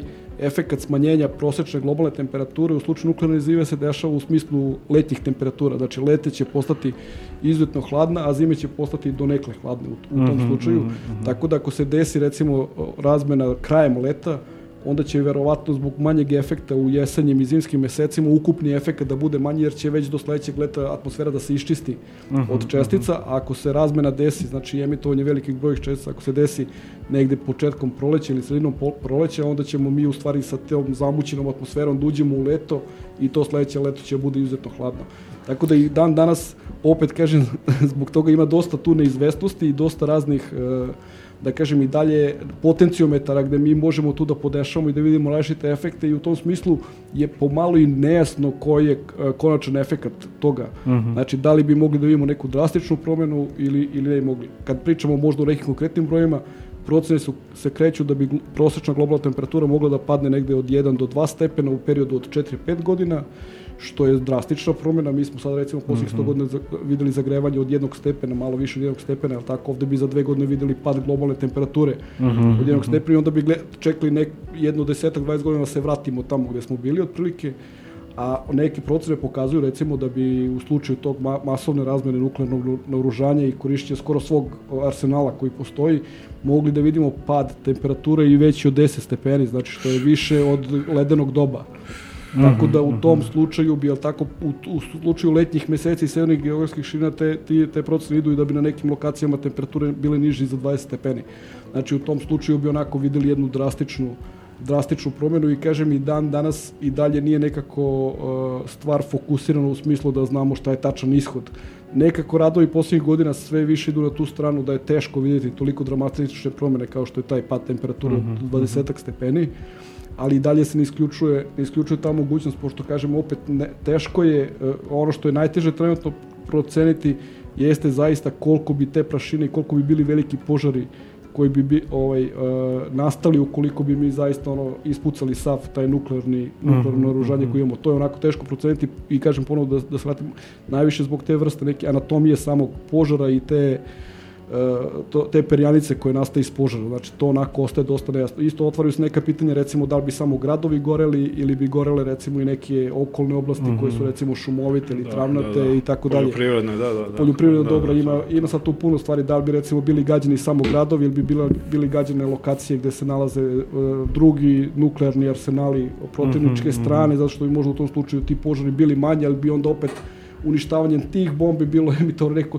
Tako da uglavnom e, rezultati variraju od toga koliko je tih teragrama čestica emitovano i koje, na kojoj visini se oni nalaze, a u smislu tih različitih scenarija kad bi se to desilo, na kojoj lokaciji i koliko bi nuklearnih glava bilo iskorišćeno, iskorišćeno postoji taj veliki raspon u u smislu neizvesnosti, ali u svakom slučaju ono što mislim po meni jeste na neki način sigurno jeste da masovno korišćenje nuklearnog naoružanja u, u smislu da dođe do tog kao ok, sad ćemo da ispalimo da. sve što imamo, pa ko, ko, ko preživi, preživeće, to sigurno ne bi prošlo bez posledica i videli bismo neke posledice koje bi se sigurno drastično odrazile, kažem, i na to što, što bi bilo jednostavno, kako kažem, neko održavanje nekih očekivanih uslova u smislu ono funkcionisanja, funkcionisanja ljudi u nekom produženom periodu, ne samo u tom prvom periodu direktnog razaranja, koje bi bilo verovatno pogubno, ali kažem i posle nekoliko godina ljudi ne bi mogli jednostavno zbog tih promenjenih klimatskih uslova da se kao društvo, da kažemo, pasulje od toga što bi se desilo. Pa to je ono što sam i na početku rekao, jedna stvar je u suštini e, na neki način urušavanje civilizacije kao takve, a druga stvar je izumiranje totalno roda homo sapiens Sapiens, a, i tako dalje, što, što, što su dve odvojene stvari, a, ali pre nego što možda a, krenemo da pričamo o tom katastrofičkom aspektu a, iz, iz, iz te perspektive, a, j- dok sam čitao o, o ovim stvarima, pronašao sam i termin da zapravo može da se desi suprotna stvar, odnosno ono što bismo nazvali nuklearno leto. To je, Šta je to zapravo? znači, o, ova tema je avangarda, nuklearno leto je avangarda, avangarda.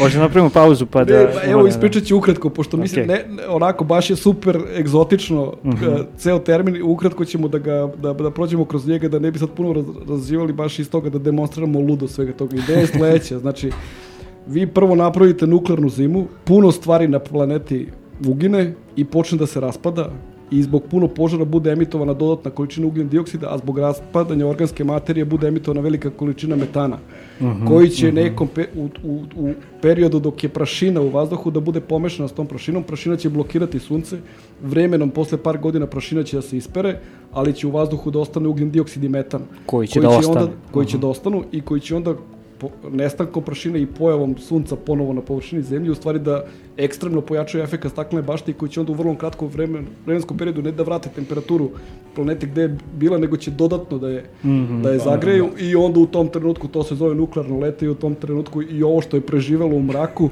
kad izađe na svetlost dana, jednostavno biće, biće na neki način, da kažem, pod pritiskom ekstremno visokih temperatura, ekstremno visokih temperatura na planeti i neće, neće biti neprijatno. Tako da je nuklearna, nuklearni nuklearno leto je scenarij u kome se dešava neka super uh, varijanta ping ponga između vrlo hladnih klimatskih uslova i ekstremno toplih i u, u smislu uh, postojanja te neke povratne sprege. Znači, mm -hmm, prvo mm -hmm. sve ubijete, onda se to raspadne, onda emitujete, ras, raspadanje emituje veliku količinu gasova s efektom staklene bašte, ono zbog čega ste kako ste uspeli da gubijete, to nestane, to je prašina, ali ostanu gasovi, onda ti gasovi super zagreju planetu. da. Ko je razumeo, Pa, ne, razumljivo je, samo je potpuno fascinantno. Da. Mislim, ja, ok, imao sam prilike da, da, da čitam o tim stvarima i ranije, ali uh, kad sad shvatim zapravo koje je to polje istraživanja, to mi je potpuno neverovatno. Mislim, baš bih voleo da što više ljudi čuje o ovome, pogotovo, e, kažemo, donosioci odluka, pošto ne bi bilo loše da nisu upućeni u sve ovo i da krenu da bacaju nuklearne bombe kao, ovaj, kao nenormalni. Što, da, pravimo malu pauzu. Neočekivana sila koja se iznena pojavljuje i rešava stvar. nazad.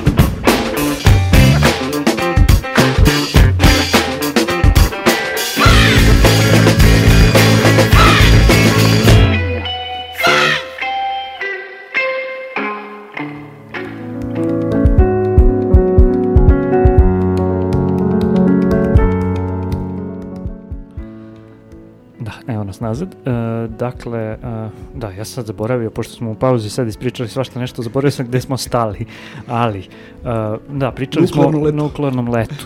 E, međutim, postoji još jedan zanimljiv, meni bar bio zanimljiv, ne moramo mnogo da se bavimo time, ali e, e, video sam da postoji, zapravo, kad se kuca Nuclear Winter na Google i tako dalje i kada gledamo, jel te, Wikipediju kao enciklopedijski izvor, Uh, ono što, na šta se nailazi je zapravo termin koji se zove nuklearni holokaust, što, koji se odnosi zapravo na ogroman set različitih efekata koji bi se desili kada bi se, kada bi se desio nuklearni rat.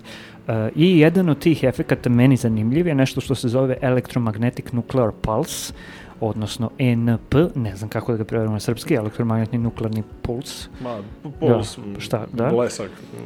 Uh, koji zapravo može da napravi problem sa električnom mrežom na planeti. Šta, šta je, kako se to Pa to je, pa mislim, to je, to je potpunosti analogno onome o čemu smo pričali u jednoj od prethodnih radiogalaksija, to je, dakle, to su recimo ove, znači, erupcije, detonacije na Suncu i ove koronalne, a, coronal mass ejections, dakle, to je jednostavno tokom samog procesa, dakle, e, lančane reakcije do kojeg dolazi, nekontrolisane lančane reakcije koje dolazi tokom eksplozije nuklearnog oružja, a, se generiše značajan fluks korpuskularnog zračenja koji je u suštini ekvivalent onome što je recimo niskoenergetsko kosmičko zračenje koje dolazi iz sunčeve korone ili ovaj već iz drugih nekih astrofizičkih izvora.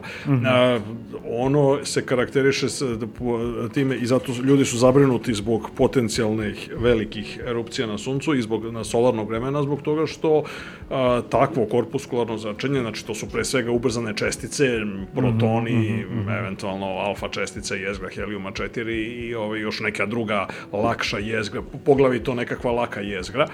Dakle, oni ometaju suštinski elekt elektronsku opremu, a posebno u nekom smislu reči ovu koja se najviše koristi danas, to su znači poluprovodničku elektroniku a, i mogu da znači ono privremeno, uglavnom privremeno one sposobe, mislim mogu i trajno ako je baš fluks jako veliki, ali odnosno flu- fluenca kako se to kaže, je li ko čestica, ovaj ako je baš jako velika, ali to je relativno mala verovatnoća i to se relativno redko dešava i to bi se desilo u slučaju nuklearnih eksplozija samo na jako relativno malim udaljenostima, pri čemu taj efekat jeste zaista u slučaju dakle višestruke e, nuklearne razmene, dakle detonacija više ili više stotina ili ovaj, u nekom apokaliptičnom scenariju više hiljada e, nuklearnih bojevi glava, to bi onda taj efekat bi bio na neki način potpuno u senci ovih drugih efekata zato što mislim ta elektronika i onako koja nije zaštićena, postoje načini da se elektronika zaštiti malo bolje ovaj, i postoje ti,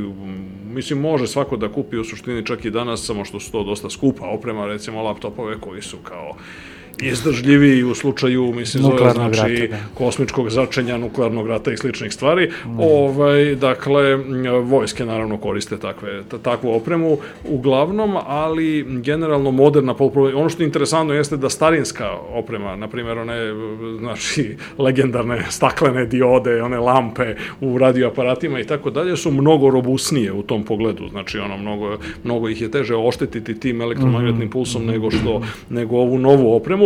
A, pri čemu opet kažem, taj efekat u slučaju zaista velikog nuklearnog rata ne bi bio preterano veliki, pošto bismo mi očekivali da te stvari prestanu da rade i onako iz drugih razloga, na ovaj pre svega usred tog udarnog talasa i usred razaranja jeli, energetske infrastrukture koja bi učinila da dakle nema struje, tako pojednostavljeno govoreći.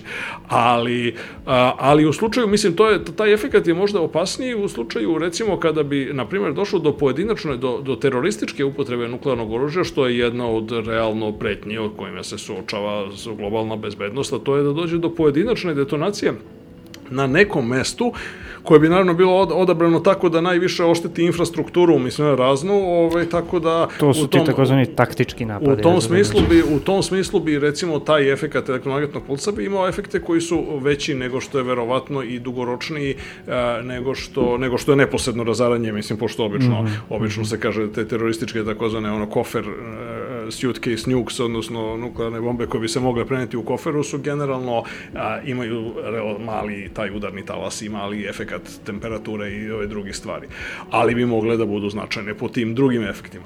A, generalno, naravno, cela zemlja je veoma kompleksan sistem i tu ne treba mnogo da naglašavati i zemlja i bez ljudske civilizacije, a pogotovo sa ljudskom civilizacijom ili onome što nazivamo antropocen popularno u novije vreme, tako da a, očekivati da smo, da smo mi u stanju da predvidimo sve te e, posledice, a pogotovo sve negativne posledice koje mogu da nastupe je suviše optimistički, mi to ne možemo da uradimo. Znači, sigurno ima onih nepoznatih nepoznatih, što bi se reklo, koje su ovaj, koje su e, tu i koje verovatno neće biti prijatne kada bi došlo do takvog ishoda. Tako da, mm -hmm. dakle, jedna od poenti, mislim da i ove priča i sve druge, mislim da, znači, naravno, jeste da, znači, to je jedan dodatan efekat primene takve vrste oružja masovnog uništenja koji nije postoje u prethodnim epohama. Ljudi vrlo na nekim, ponekad naivno misle da, eto, mislim, ako se nešto nije dešavalo u prošlosti, onda neće ni sad, mislim, ko će sad, ono, vidite da, koliko da, da. smo, ono, generacija preživeli i tako dalje. To jednostavno, mislim, nije takav, takva vrsta induktivnog zaključivanja u, jednostavno u analizi rizika nije opravdana. Dakle, ljudi ne treba da, mislim, te stvari rezonovati na osnovu prošlog iskustva, pogotovo kada je ono prilično ograničeno. Evo, pošto baš pomenut primer Fukushima, znači, onaj prelivanje nasipa bezbednostnog, znači, nuklearna elektrana Fukushima je naravno bila obezbeđena protiv velikih talasa i tsunamija, naravno, pošto je to nešto što se podrazumeva u Japanu. E sad, pravo pitanje je zašto taj bedem, znači taj, ta barijera koja je bila oko nuklearne elektrane nije bila viša. Da je ona bila viša za nekih, recimo, ako se ne varam, 120 cm za nešto oko 1 metar, ne bi došlo do prelivanja i ne bi došlo mm -hmm. do mhm. havarije uopšte. Mm -hmm. E sad, nagradno pitanje za, i to je onaj deo ozbiljne analize rizika, posebno ako se radi o analizama vremenskih serija događaja, koji je, gde je jako teško, mislim, biti precizan i davati, pa, znači, nekakve snažne prognoze. Ljudi su uh, japanski inženjeri, arhitekte, građevinci koji su radili na tome su dali, oni su procenili na osnovu podataka i merenja o tome kolika je visina talasa i koliko se često tsunami na toj lokaciji pojavljuju.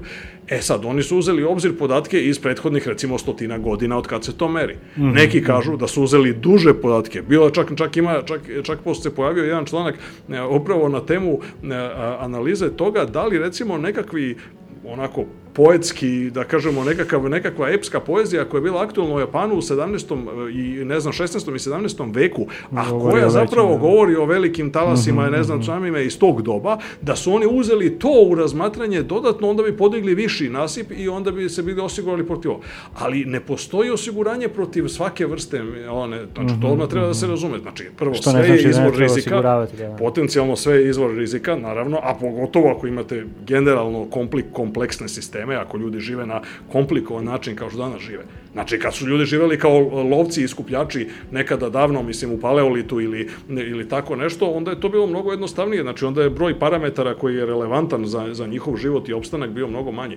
Danas, kada počeo od razvoja poljoprivrede, pa posle industrijske revolucije, pa svih ostalih stvari, dakle, broj parametara i broj načina na koji se može perturbovati taj sistem je mnogo veći. Tako da samim tim se nekakvi sistemski rizici po, po, po funkcionisanje sistema povećavaju. -hmm. Dakle, mhm. ono što ljudi kažu, i to je baš upravo primenjivo na nuklearnu zimu, pošto čak i sama klimatska promjena kao takva, neko kaže sad, ok, mislim, kao što, kao što često ja moram da kažem tako, ali budaletine ove, koje ne shvataju ozbiljno globalno zagrevanje, dođu i kažu, mislim, pa šta sad kao vrućina, malo, biće, biće toplije, šta je to, dva stepena i tako dalje. Mhm. Pa nije u tome stvar. Čovek i sve životinje, druge su relativno rezistentne na temperaturu, tako da bismo mi podneli, ljudi žive u mnogo toplijim krajima nego recimo mi ovde.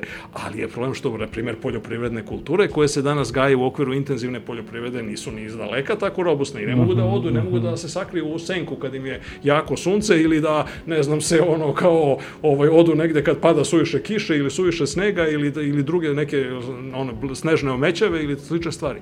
I onda kao posljedice toga nastaju, recimo, nastaju, na primjer, efekti gladi, koji su, na primjer, u slučaju ovih, e, sim, ovih simulacija koje se bavile baš, recimo, nuklearnim ratom između Indije i Pakistana, hipotetičnim, pošto je to jedno od tih žarišta političkih koje je bilo dugo vremena, i jedna i druga strana imaju nuklearno oružje, razvili su ga nasuprot protiveći se svim mogućim, ono, jeli, jeli, međunarodnim konvencijama, savjetima i tako dalje. Prvo su ono Indusi, posle je ove, čak je karakteristično po tome što je pakistanski premijer Zulfikar Ali Bhutto, ne, kada Indija izvršila nuklearni test, prvi je izjavio doslovce sledeće, što pokazuje u nekom smislu reči koliko je to ipak, postoji taj jedan patološki mentalni sklop kad se radi o tome, oni kad su Indusi izvršili nuklearnu probu, on je rekao, kaže, narod Pakistana insistira da mi razvijemo nuklearno oružje, pa makar morali da jedemo travu. Da, da, da, da, I onda je da. u tom smislu Da. i što su oni nešto kasnije i uradili, je li? Mhm, Ovaj, tako da tako da to je recimo recimo analiza tog sukoba tak potencijalnog nuklearne zime u tom slučaju bi za, je zapravo bila dobrim delom fokusirana na to i jedno i drugo na primjer su veoma gusto naseljene naseljene ovaj Regioni, zemlje mhm. koji su koje su dobrim delom ono zavisne od veoma zavisne od poljoprivrednih prinosa lokalnih Mhm, i ovaj i koji su otprilike na nivou. Oni su nije bile su gladi ono i u Indiji i u Pakistanu do pre koju deceniju jako velike. Nisu u najnovije vreme, u poslednjih par decenija, ali su ranije bile i ljudi su nažalost u, u 20. veku tamo umirali od gladi tokom velikih gladi koje su bile izazvane potpuno prirodnim fluktuacijama, fluktuacijama vremena. I ovaj tako da mislim dodati na to tako veliki poremećaj, tako veliku perturbaciju kao što što bi bila to bi verovatno rezultovalo ogromnom smrtnošću od gladi, koja je sama po sebi destruktivnija na duge staze nego ono što konkretno bude uništeno u tim ratnim dejstvima. Mhm, mhm. Kad pominjemo sad glad, to je isto važna stvar. e, ov- Ovde imamo tu nuklearnu glad, jel te? E, i, e, i, I u kontekstu klimatskih promjena generalno zapravo kako se rade istraživanja koje nam govore o tome kako će da se razvija glad, odnosno poljoprivreda, kakvi su scene, kako se dolazi do tih scenarija koje, koje evo sad smo imali i ovaj summit, klimatski summit Mhm. ovaj, prošle godine. E, kako se analiziraju ti podaci i šta Da. je... Pa da, ko- u slučaju klimatskih promjena ko, koristimo opet neku vrstu modeliranja koje se zove impact modeliranje ili modeliranje uticaja Aha. promjene klime na neki sektor, pa onda u okviru ti sektori mogu da budu vodni resursi, poljoprivreda, o, i, a, proizvodnje energije, m, javno zdravlje i tako dalje. Znači, Mhm, za svaki od tih sektora može čovjek da napravi neku vrstu modela koji mu simulira da kažem, reakciju tog sistema u odnosu na to što su klimatski uslovi. U slučaju poljoprivrede ti e, impact modeli su u stvari modeli biljne proizvodnje najčešće, Mhm. u smislu da vi imate numerički alat koji vam na neki način pokazuje kako se vaša biljka razvija od trenutka sejanja do trenutka žetve u odnosu na to kakvi su klimatski uslovi, kolika je temperatura, kolika je vlažnost, koliko, koliko, koliko imate padavina, koliko je količina e, vlage u zemljištu i tako dalje. Tako da imate niz ulaznih parametara iz klimatskog modela, a onda vi imate model biološki kojem u stvari simulira kako se određena biljka razvija i kako prolazi kroz određene fenofaze od formiranja pupoljka ili ne znam već sad do koje biljci se radi pa do formiranja plodi na kraju do, do ovog nečega što je prinos, tako da vi na kraju kao krajnji rezultat imate tonu Prinos, po da, hektaru da, da. neke, Mhm. Neke poljoprivredne e, sorte, bilo da se radi o kukuruzu ili se radi o pšenici i, ta, i tako dalje. Tako da u tom smislu ti impact poljoprivredni modeli mogu da nam kažu u zavisnosti od toga koliko će temperatura da poraste ili će biti manje padavina, koliko možemo da očekujemo smanjene prinose recimo Mhm, i mo- mogu da vam kažu recimo zbog pro- učestalosti suša koliko prosečno u nekom periodu od 10 godina možda očekujete manju, manju uh, proizvodnju. A kad pričamo o nuklearnoj zimi, mislim da nisu rađene tako detaljne uh, analize sa tim impact modelima, ali ono što je rađeno i što je procenjeno, što je neki prvi indikator problema, jeste da je u odnosu na ovaj pad temperature o kome smo pričali malo pre i koji opet ima neki raspon zbog svih onih e, neizvesnosti o kojima smo pričali, računato je koliko bi se otprilike smanjilo nešto što na engleskom se kaže growing season length ili dužina vegetacionog perioda, Mhm. zato što jednostavno vi za određene kulture morate da imate određenu, određeni broj dana u toku godine da bi se kultura uopšte razvila i stvorila rod. Mhm, mhm. Tako da opet u poljoprivredi se koristi ne, jedan e, pojam ko, e, koji se zove growing degree days. To je kao neka kumulativna temperatura. Znači treba temperatura na nekom području da pređe određeni prag, recimo 10 stepeni i ako je 5 dana temperatura bila preko 10 stepeni, onda vi e, sumirate sve temperature posle tog dana i na svakoj granici u okviru te sume vi znate da će doći do pojave lista, do pojave pupoljka, do pojave malog ploda, do pojave ploda i na kraju do zrenja. I da bi taj proces prošli morate da imate određenu akumulaciju temperatura, u određenom vremenskom periodu. Jasno, da. Tako da taj in, indikator koji bi bio ta dužina vegetacijnog perioda potrebna da dođe do zrenja, možda se proceni koliko će bude kraći ukoliko recimo letnje temperature padnu za 10 stepeni i u slučaju ovih situacija sa ovim ekstremnim nuklearnim zimama se jednostavno pokaže da čak i ako bi nešto poseli jednostavno ne bi moglo da sazri do Mhm, mhm. ne bi dovoljno bilo toplote niti bi to bilo dovoljno dugo taj malo topli period tog godine da bi nešto sazralo tako da bi da bi ovaj jednostavno kultura tog leta sve osnovne poljoprivredne kulture kao što su vjerojatno pšenica, kukuruz, Kukuruz, pirinač da, da, da. i sve ostalo soja, tako ne, Sve što, ne bi, što nabavljamo u rezervama. sve što imamo u rezervama sada, to verovatno ne bi sazrelo i onda bi nastala nestašica i iz toga bi proistekla glad. Glad jeste verovatno, kad gledamo o tim globalnim katastrofama, verovatno uvek su neki od tih najvećih ka- katastrofa koje su na vrhu po broju žrtava u stvari bile katastrofe koje su vezane za glad. Glad je vrlo ozbiljan problem i često zanemaruje zato što živimo danas u svetu izobilja i izađemo na ulicu, pređemo 10 metara i kupimo pljeskavicu. To je luksus koji je nezamisliv bio pre stotina godina i ne možemo jednostavno da prihvatimo da nam je to o, Bogom dano i da će tako zaovek da bude. Znači, dolaz, pristup hrani je bio prilično ograničen u prošlosti i vrlo je teško bilo uopšte doći do hrane i razmišljati o hrani na taj način. Ali je jedna mala ekskluziva, opet da se vratimo na, na nuklearnu zimu i malo da kažem te egzotičnije delove, neki su radili istraživanja šta bi moglo da se uzgaja i da bi moglo da proizvede dovoljno proteina ili kalorija, čega već U tim uslovima, u tim da, da. uslovima gde bi bila smanjena količina sunčevog zračenja i niže temperature i fokusirali su bili na pečurke. I neki od radova koji su, koji su onako bili da kažem malo su zašli dublje u temu, pokazali su da bi pečurke mogli da budu rešenje, ali u nekom kraćem vremenskom periodu. Znači možda prve i druge godine, posle toga bi nastao problem. Znači ne bismo mogli ni pečurke više da imamo u tim količinama koje su potrebne. Ali, ali Da, to je, da, na primjer, to može da bude onako neki zanimljivi hodnik kada pričamo o ovoj temi. Inače, tema nuklearne zime zaista onako e, može da bude izazovna za ljude koji se interesuju i za istoriju nauke i za neku interakciju nauke i politike i takvih stvari. i razvijanje cele priče i razvijanje i tih modela i raznih procena zaista onako se grana u jedan zanimljiv lavi- lavirint. Na primjer, sad mi je, isto smo pričali, palo mi je na pamet jedna od zanimljivih stvari koje ulaze maltene u dome nekih ono, krimi romana jeste da je jedan od ruskih naučnika koji se bavio problemom nuklearne zime nestao. I na dan danas ga nisu pronašli.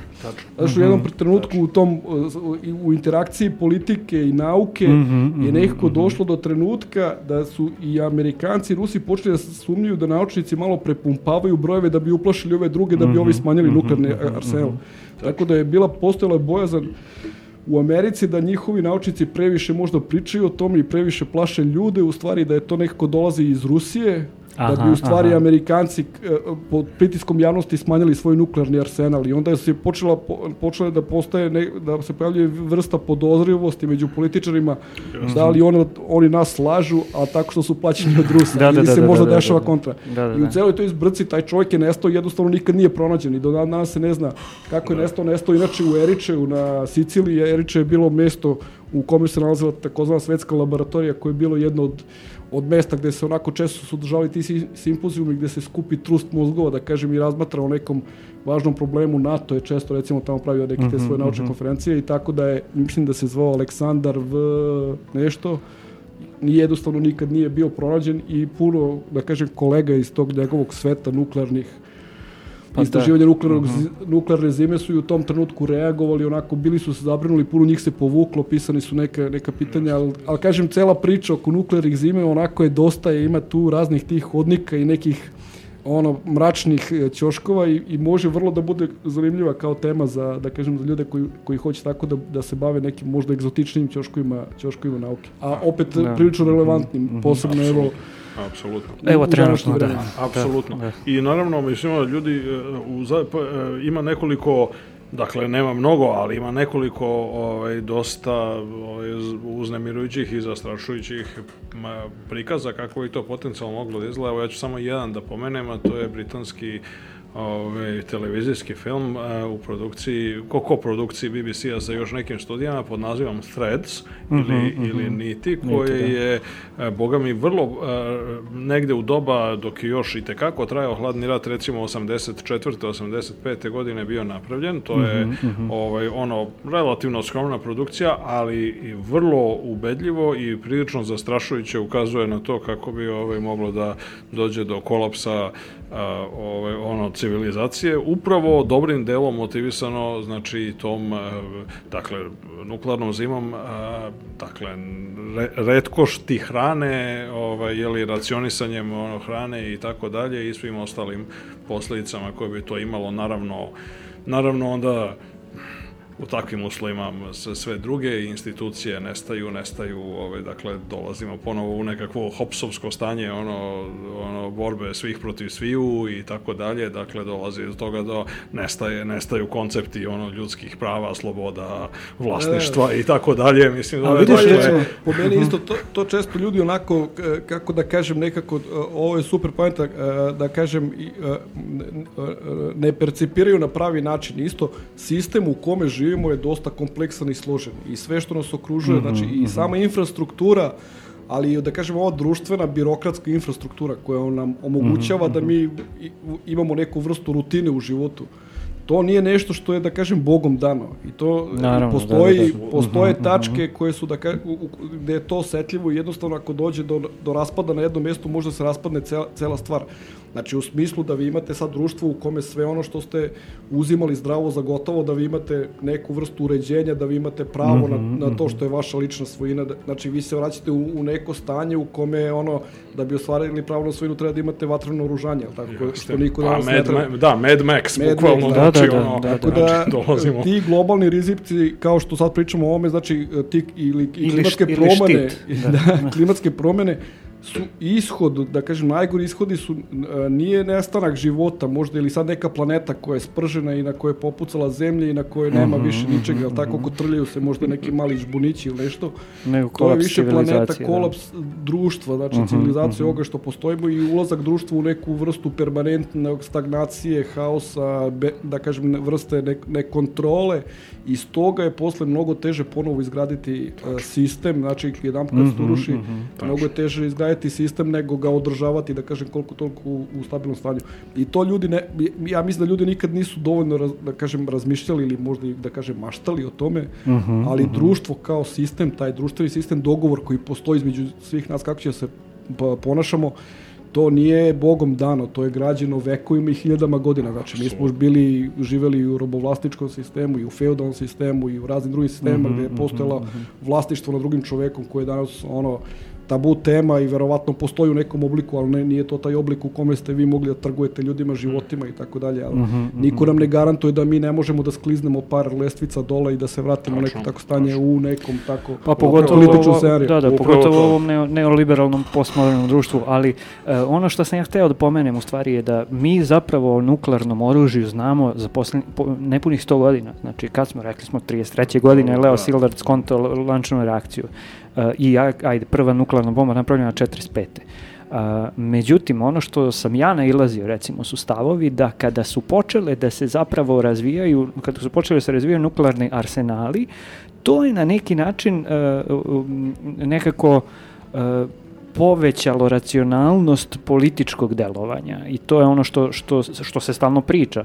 Upravo zbog postojanja tog nuklearnog oružja, odnosno te pretnje upotrebom i zloupotrebom, odnosno neupotrebe, se na neki način po, povećala racionalnost političkog delovanja. To je ono što sam pomenuo, znači kubanska kriza i tako dalje i tako dalje. Ja mislim da je to, ja mislim da je to totalna besmislica i veoma opasna i maligna besmislica koja ne, ne, se nažalost ne, ne, ne, dominira u mnogim politikološkim i ono sociološkim krugovima i uopšte u krugovima društvenih nauka gde nažalost često opstaju takve besmislice. E, dakle, to je posledica selekcionog efekta istog onoga iz kojeg mi nismo videli, ne znam, ono, sudar zemlje sa asteroidom od 10 km. I onda mislimo da ne posto- neće se desiti, da. da. se desi je nula. Da, Da, da, neće moći, mislim. Ne, ne, ne, apsolutno, Radi da. se o tome da je to selekcioni efekt. Dakle, mi ne bismo sada sedeli ovde i pričali o ovome, slušalci ne bi slušali preko ovaj, svojih ono, laptopova i tableta i tako dalje ovaj, o tome da se takve stvari desile.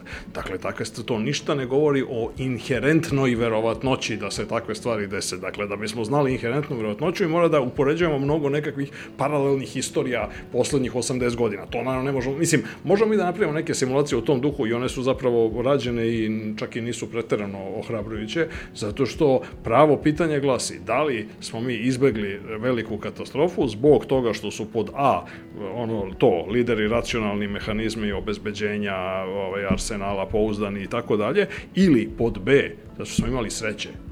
Pa, ja mislim da, nažalost, kako stoje stvari, većina, ve, veći, veću težinu zapravo ima objašnjenje pod B, mislim, zato što smo imali sreće do sada, a ta sreća može, kao što znaju svi kockari, koji pogotovo kladioničari i ostali koji imaju uspeha, mislim, zove nešto može da prestane ovaj, sutra, ili sledećeg sata ili sledećeg minuta i tako nešto. Tako da u tom smislu je apsolutno, ja mislim da je jedno od, mo- to je moje duboko lično mišljenje, bez obzira koliko se inače zalagao za naravno mirnodopsku upotrebu nuklearne energije, da je apsolutno, mislim, zove nuklearno oružje samo po sebi inherentno neprihvatljiva stvar i da se treba jednostavno raditi na tome da se da dođe do smanjenja arsenala i ultimativnog ukidanja ukidanja istih, mislim, zove, ili, I to je ono što, što sam hteo da...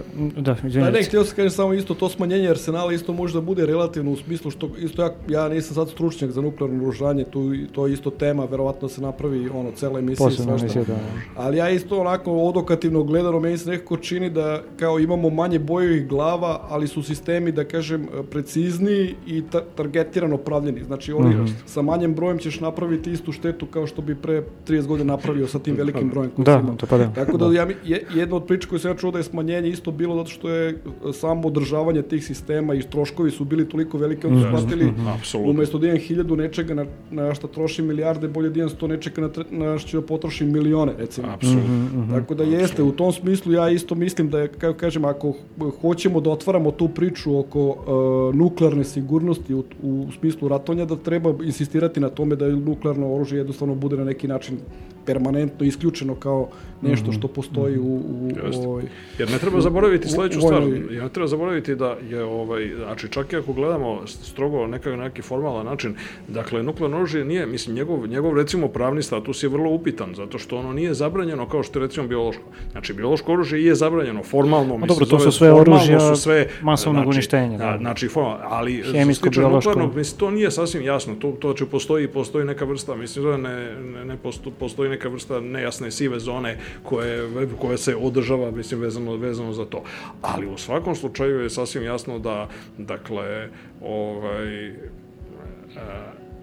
sve dok ono postoji u velikim količinama, dakle mogućnosti da dođe do akcidenta Znači, ne nužno svesne i namerne upotrebe, nego jednostavno do nekakvog akcidenta sa tim pa, postoji. A s obzirom na to da je to jedna od stvari sa kojim jednostavno se ono, ne treba igrati. Svaki akcident je potencijalno tragičan. Ne mora da bude globalno katastrofičan, ali će u svakom slučaju ono može da bude tragičan i shodno tome to jeste jedna od stvari gde postoji ono što se često u analizi rizika naziva substancijalnim Znači, obično postoji jedna distinkcija, razlika između substancijalnog i instrumentalnog rizika. Dakle, instrumentalni rizik vam je ono, znači vi koristite nož u kuhinji, ali sad možete nekoga i da nabodete nožem, ovaj, tako da tim istim kuhinskim. Tako da to, znači, samo pitanje kako vi koristite instrument. A sa druge strane, substancijalni rizik, to je ono gde, gde sama stvar, sama vrsta tehnologije, sam entitet je izvor rizika sam po sebi. Znači, nož nije izvor rizika sam po sebi, zato što, mislim, možete ga upotrebiti za jeli, seckanje luka, Ali, boga mi, nuklearno oružje, mislim, uprkos velikih napora nekih od fanova, mislim, nije ni ne išlo ni na jednu jedinu nekakvu mm, normalnu, mirnodopsku, jeli, razumnu i beneficijalnu primenu, pa da su bile neke priče o tome da ćemo kopati kanale ono, je, ono, i tako dalje, ali ovaj, srećom, Infinity- srećom Infinity pa se nije pokušavalo ovaj, da, ne, ovaj, sa tim. Pa eto, možda možemo da rešimo problem ovaj, globalno zagrevanje tako što malo, malo pa napravimo neki ovaj, da, da malo se zaista nadam da nećemo da dođemo ni blizu, se malo, da se nećemo doći ni blizu takve situacije. Dakle, stvari u tome da jednostavno stvari koje su izvor substancijalnog rizika treba izbegavati i to je ono što je jednostavno na neki način treba da bude apel, jedna te večna tema koju ovaj, je li svaki svestan čovek, građanin planete koja je ipak jedna relativno mala i relativno kompaktno povezana planeta i jedan vrlo komplikovan i nelinearno uvezan sistem treba da bude svestan toga kao jedne od najaktuelnijih i najozbiljnijih pretnji, tako da... Na, nek, na nekim stvarima treba insistirati do krajnjih granica, znači jednostavno mm. postaviti određene linije i to, to... Da, da, ja se potpuno slažem, samo samo sad pokušavam da iz neke da, da. malo da, dalje pozicije razmotrimo i tu temu, a kad je u pitanju to gde sve ima nuklearnog naoružanja, to je ono što sam običao da ću pogledam sad ovaj, detaljno. E, znači, postoji nekoliko kategorija zapravo. E, postoji taj protokol koji se zove na engleskom, odnosno e, sporazum koji se zove Treaty on the Non-Proliferation of Nuclear Weapons, odnosno NPT, ne znam kako se to na srpskom prevodi. Pa, dobro, sporazum o neproliferaciji. da, o, mislim proliferacija, da, okej. Okay. Ne korišćenje, šta, ne? Ne, ne, ne, sporazum o neširenju. Ne širenju. Najbukvalnije ali da. mislim ne proliferacija Samo pričaju mikrofon. ne širenje, mislim dakle jednostavno ne to to je nezavisno od ovih stvari od zabrana od sporazuma o zabrani nuklearnih proba atmosferskih i tako dalje. Znači nego jednostavno ne širenju, jednostavno da, da, se da. države obavezuju da okay. neće pokušati da ovaj da da će potpisnice sporazuma da ako ne posjeduju u datom momentu, mislim da neće, a ove koji posjeduju da neće pomagati drugim ovaj, akterima da... Aha, ok, kapiram, da, da, da. da što znači, da, da, da. Što znači da, evo, potpisnice su Kina, Francuska, Rusija, uh, uh, Ujedinjeno kraljevstvo i Sjedinjene američke države. Uh, one koje, uh, za koje se zna da imaju nuklearno oružje, a nisu zapravo u ovom sporazumu, su Indija, Severna Koreja i Pakistan. Uh, ona država jedna za koju se sumnja da ima je Izrael i to je sad verovatno ta priča. Sasvim izvesno, mislim, ovaj, ali oni ne prije... Mislim, mislim, ok, u slučaju izraelske ne politike... Ne čuješ se samo lepo, ovaj, nećete ljudi čuti. U slučaju da. izraelske da. politike to je relativno, mislim, aj sad da ne ulazimo sad u to zaista i kasno je, ovaj, dakle, da, da, to, da. Je, to je velika tema. tema. Da. Znači, u slučaju izraelske politike poenta je sledeća. Dakle, oni ne prije, mislim, oni se u svemu ponašaju kao da, mislim, zaista posjeduju, oni imaju kapacitet, imaju te laboratorije u pustinji Negev i tako dalje, imaju naravno ljudske resurse, mislim, to je ono, ono najbolje na svetu, verovatno, i, ovaj, i tako da, i oni imaju jedan broj relativno mali, relativno mali ovaj, arsenal, koji je naravno u skladu sa njihovom politikom, da su, što su bili izloženi više puta, jeli, pokušajima ili suseda da, da, da ih unište, je takav da jednostavno ima isključivo odbambeni karakter i jednostavno nema, dakle, ovaj, nema, oni, oni ne žele da, da, da javno prihvate njegovo postojanje zbog toga što bi to onda, onda po toj nekakvoj ideji bilo a, provokacija, da. bila mhm. provokacija mm -hmm. ovaj, svim drugim, posebno među njihovim jeli, natopornim da. susedima, ovaj, da, ovaj, da, da pokušaju da urade to isto. Inače, ono što je ono što jeste, činjenica jeste da je time se završava sa tih, ako se ne varam, osam ovaj, ili devet zemalja. Pa dobro, se... imamo ove koje zapravo dele NATO zemlje, Belgiju, Nemačku, Italiju, Holandiju pa, i dobro, Tursku. Naravno, pa ali, pa ima i ne okay. znamo, ima i neke ono, ruske potenci su bili u Kazahstanu ono, dugo vremena. Belorusija, Ukrajina, ali nema ih više. Da. A okay. to, postoji jedan broj zemalja od bivših sovjetskih republika koje su između ostalog i Ukrajina koje su se odrekle, mislim, ove, ove, da, da, da, tog što je bilo na njihovoj teritoriji ovaj, sad svako može da proceni od toga se vode velike rasprave. Evo ovih dana da li je to bilo opravdano nije bilo opravdano i tako dalje ovaj, da li bi došlo do ovih događaja da, da se to nije desilo i tako to ovaj, to, to ne znamo. E, ovaj, oni su se dogovorili vrlo razumno po meni da, da jeli, ona, ipak ovaj, uklone te lokalne lokalne, koji su inače predstavljali veliki rizik u doba raspada Sovjetskog saveza, ne zaboravite, to je bio, mislim, mm -hmm, ono, mm -hmm. jedan prilično haotičan proces, generalno, koji se odvijao, mislim, to je bila ogromna ono, zemlja sa mnogo veoma različitih interesa, mnogo veoma različitih aktera i tako dalje, velikim, velikim heterogenostima, velikim lokalnim ono variacijama, tako da činjenica da tom prilikom nije došlo do nekakvog haosa koji bi rezultovao korišćenjem ili upotrebom ili čak i, ne znam, terorističkom zloupotrebom ovaj, nuklearni oružje je vrlo ohrabrujuća u tom smislu. A, dakle, tu smo imali dosta sreće, a i pameti i sreće još čega god već više. A ono što je, ono što je sa druge strane slučaj jeste da, kažem opet, postale su neke zemlje gde su promenom režima kao u Južnoj Africi se jednostavno se odrekli, odrekli ovaj, takvih ambicija. Postoji inicijative koje koje to je jedina čitave... zemlja koja se odrekla iz, iz mirnodopskih uh, razloga zapravo. Pa dobro, Ukrajina nije, mislim Ukrajina, Kazahstan Pa i tako dalje, ok. oni su bili zapravo su- posledica Ok, tog globalnog... Imaju, imaju ove zemlje koje jednostavno su ono, da. imale preliminarne nuklearne programe pa, kako, pa su ih obustavile kao što, su, rec, kao što je recimo Brazil.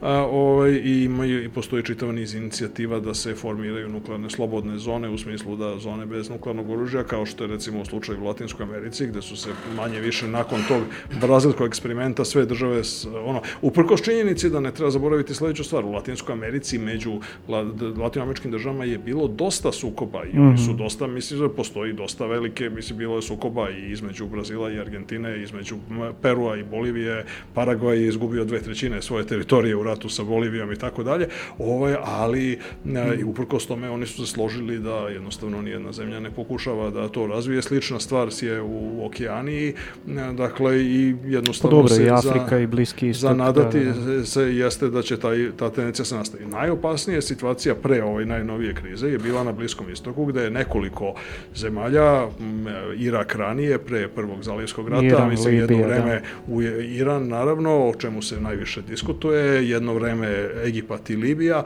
su pokušavale i imale nekakve nuklearne programe. Egipat za vreme Nasera je imao nuklearni program, pa je posle za vreme Sadata, nakon čuvenih sporazuma iz Camp Davida, mislim zove on okončan, tako da je tako da je to to je ipak inače jedna krizno područje, jedno bure baruta koje ovaj je koje jeste jedna od stvari na koje treba obratiti pažnju.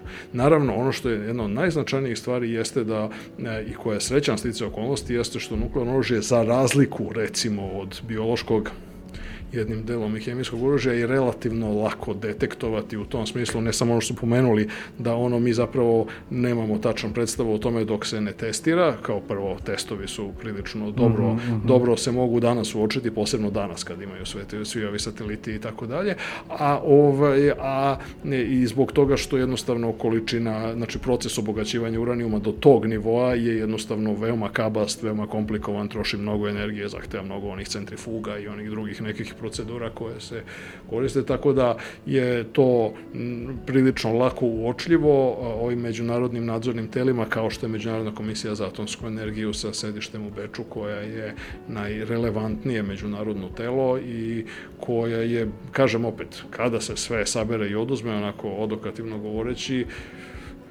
uradila verovatno dosta dobar posao u poslednjih 70 godina na tome da se ta, ta stvar barem kako tako mislim da drži u nekakvim u nekakvim ono ovaj ograničenim granicama jer e, možemo samo zamisliti o tome šta bi bilo kada e, u nekom paralelnom svetu u kome umesto recimo tih 8 ili 9 imamo recimo 60 zemalja sa nuklearnim oružjem uključujući recimo ne znam na primer države bivše Jugoslavije na primer koje su da se ostvario onaj Da. originalni program u SFRJ, ovaj, onda bi prilikom raspada bivše Jugoslavije početkom 90. godina to bilo prilično zanimljivo za Da. A, ja bih sad pred kraj, pošto evo imamo još par minuta i to mani da, da završimo, da se vratimo zapravo na, e, na onu priču koja nam je zapravo bila e, da kažem ini, Light motiv. light motiv za, a to je ovaj rat u Ukrajini. E, Ne bih sad da vas pitam šta mislite, ali nekako bih volao da za, zaokružimo ovu priču e, tako da ljudi koji se verovatno pitaju da li će doći do nuklearnog rata u Ukrajini i šta ako dođe, da nekako imamo malo razjašnjenje kako ljudi ne bi sad o, otišli kući sa ove emisije sa, e, ne znam, e, e, ovaj, kako se zove, osjećajem da, eto, gotovo dolazi nuklearna zima i to je to. Da, A, I ne odnosi se to samo na nuklearni rat u smislu nuklearne bojeve glave, nego, i to je možda čak i, čak i poseban priča, ali treba pom- pomenuti, postoji pet velikih ili šest, čini mi se, nuklearnih elektrana na Četiri teritoriji koje rade. Ukrajine, da, četiri koje rade. četiri koje rade i jedna Černobil koji je zatvoren. Da. Da, da. I imali, i, ja sad nisam sigurno, ima više lokacija gde postoji nuklearni ovaj, e, Otpad. otpad koji Da, da, da. je deponovan, Mhm. koji isto može da bude potencijalno opasan. Jeste. To, to može da bude isto problem. Pa ajde probamo da zaključimo sa tim, Da. da, odnosno da se re- da referišemo celu ovu priču na zapravo dešavanja u uh, Ukrajini. Da. Pa teško je referisati. Znam da je ne teško. znam, kažem, ne znam, ne znam ko će da nas dvoje. Znači, mislim jednostavno... Pa možda obojica. Da, stvar je... Da, može obojica, nego nisam siguran da li ćemo čak i obojica da sažmemo e, svo znanje koje imamo, da li ćemo da kažemo pravu stvar. Ma, Ne postoji trunka opravdanja za pokretanje bilo kakvog rata i Naravno, oružanog naravno. sukoba, sukoba i postojanje oružanog sukoba. Na- Mislim, ja to najviše gledam onako iz ugla ljude, ljudi koji proživljavaju celu priču na terenu, a koji ni na koji način učestvuju ni u kakvom ratnom dejstvu. Bili smo u takvoj situaciji 99. godine. Mislim da tu se rešavaju neke stvari koje se apsolutno, da kažem, ovaj, pogubno održavaju na taj svakodnevni život i to neku, neku vrstu, da kažem, mira i relativnog blagostanja koje postoji danas u svetu, o kojem smo malo pre pričali, a koji je u tim situacijama potpuno narušen i gde vam se otvara spektar ogrom velikog broja, da kažem, apsolutnih neizvesnosti da li ćete dočekati Mhm, živi mhm. sledeći dan ili nećete. Samo komentarisanje e, tog spora u smislu ovih termina kojima se gađaju, da li je to rat ne, ili ne, bi intervencija da ili to- to, to da. je, znači, mislim, to možemo da ostavimo svetu diplomatije da reši, pošto je to njihov, njihov zadatak, mislim, ne, kažem opet, ono, apsolutno svaka vrsta vojne intervencije je potpuno ne, neopravdana i sve naravno uvek mogu to se završi u smislu pregovaranja a ne u smislu e, korišćenja bilo kakve e, e, vojne sile. Pokazivanje sile, da. A što se tiče samog rizika u Ukrajini, ja opet evo i Milan je ono spomenuo nekoliko puta i ja ono se slažem s time, znači ne treba nikad ni jednu vrstu rizika zanemariti. Naravno ne treba sad živjeti u nekoj panici i strahu da će ne znam bog zna šta se desi, ali ne treba zanemarivati zato što jednostavno zaista broj promenjivih i stepeni slobode koji su tu u igri je, je toliko veliki da je sad tu ne, ne postoji pamet koja će da vam kaže. Naravno, e, verovatno svi postoje razni, da kažem, i čak i konsultantske kuće i razni stratezi i stratezi ovi, po, određenih rizika koji, koji, da kažem, savetuju možda određene države ili državnike koji verovatno isto opet imaju neku, neku vrstu modela uz pomoć kojih procenjuju koliko je što opasno. Po meni, trenutno, ono zašto možda ima najviše šanse, a što je najrizičnije, jeste da dođe do nuklearnog akcidenta na nekim od ovih nuklearnih e, postrojenja. I to po meni može da ima goru posledicu, da kažem, po, u smislu da se desi može da ima e, da kažem na neki način možda i malo pogubniju e, po, posledicu nego da dođe možda do neko do neke lokalne upotrebe neke, nek, neke manje da kažem ono bojeve glave. Iz razloga što kad napravite akcident na postrojenju vi ćete vjerojatno danima imati emisiju radioaktivnog materijala i desi se ono što se desilo kad je bio Černobil, a to je da imate da nastane taj ogromni oblak e, radioaktivnih čestica koji će dugo vremena da provedu u atmosferi. Iako su, da- iako su reaktori drugog tipa zapravo, to je čuvena Pa da, priča ali sa- to je isto Ne, pitanje kako... Ali, ali se ne, ali ne radi se o inherentnom defektu, mislim da dakle ovaj Ne. put, znači poenta jeste u tome, to je potpuno si upravo, dakle to je strahovito rizična stvar da se sa strane, znači bez obzira na činjenicu da se to sad sve obe, obezveđuje i tako dalje, ali da se sa strane ne utiče bilo kakva događaj, eksplozije, potresi, bilo kakva ovaj, ono, što bi se reklo upotreba sile protiv nuklearnog postrojenja mirnodopskog je naravno ekstremno rizična. To E, a, a s druge strane debate. mislim da to isto danas niko ne može, iako su svi, da kažem, svjesni da je e, rizik obostrani, da tu nema, u tom slučaju nema, apsolutno ne možemo pričamo o tome da je, ne, da je neko postigao neki cilj zato što je to uradio. Mhm, Mislim da je opet, kažem, taj nivo stepeni slobode koji postoje na terenu, gde vi, ono, verovatno, u- na pojedinim lokacijama mogu zamisliti koja vrsta,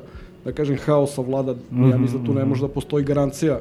Ja sam onako lično razmišljao šta bi ja, da kažem, ono, ka- kakav bi potez da ja imam neku moć to da odlučim šta bi radio. Mislim da bi u tom smislu Ujedinjene nacije nekako kroz Savet bezbednosti ili kako već trebale da zahtevaju da dobiju neku vrstu kontrole na tim postrojenjima i da na neki način postoji neka vrsta međunarodnog obezbeđenja tih postrojenja.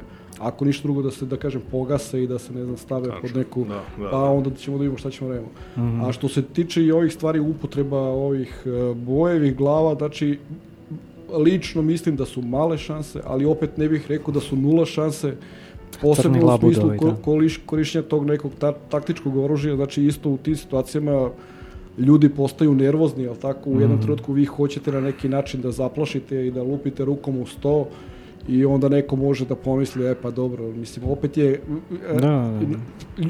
na kraju krajeva u celoj toj jednačini je i u pitanju ljudska psihologija. I, Znači, i, I ne samo to, nego ne treba zaboraviti da u uslovima povećane, povećane ovaj, e, dakle, ajde da kažemo ovako, pove- povećanog rizika od eskalacije sukoba može da dođe do, je, po, je takođe povećana verovatnoća da dođe do greške ili slučajnog I akcidenta da. ovaj, u kome se, jer ne treba zaboraviti sledeću stvar, dakle, postoji i prirodne pojave koje na prvi pogled mogu da simuliraju, ovaj, dakle, to je, to je bio slučaj, e, dakle, 80. godina je bio slučaj kada je jedna relativno redka ovaj, meteorološka pojava na Arktiku zapravo izazvala da se tri, okinu alarmi u radarskim kontrolama u tadašnjem Sovjetskom savezu ovaj, da kao da su ovaj, lansirane, Aha, aha. lansirane raga- a takođe može dođe i do recimo mi se sećamo šta je bilo pre deseta godina na Uralu kada je eksplodirao mali meteorit mislim relativno Mhm. mali meteorit ovaj, dakle e, koji je polupao da. stakla i šta ja znam, mislim, ovo, znači ništa posebno. Sad zamislimo samo malo veći meteorit tipa e, ono 20 30 metara sličan onome u ovaj u koji je bio u Tunguskoj u Sibiru 1908. godine, kada bi se sad desio negde na teritoriji Rusije, to bi vrlo moguće bilo od strane nekoga protumačeno kao nuklearni napad i onda ovaj je sad dok se on sad ono osvesti o tome šta se zapravo desilo, ovaj Pa prošlo ima i ona čuvena urbana legenda kako je pijani Nixon za malo pritisnuo dugme, ne znam koje godine. Da. Da, tako da ono, ne, ne, ne, nećemo isključivati sve rizike. Naravno, ja mislim da što je e, scenario ekstremniji u smislu ovog večera što smo pričali o nuklearne zime i tako dalje, da su šanse manje, naravno, Jasno. da ne treba praviti opet nikakvu vrstu panike i to.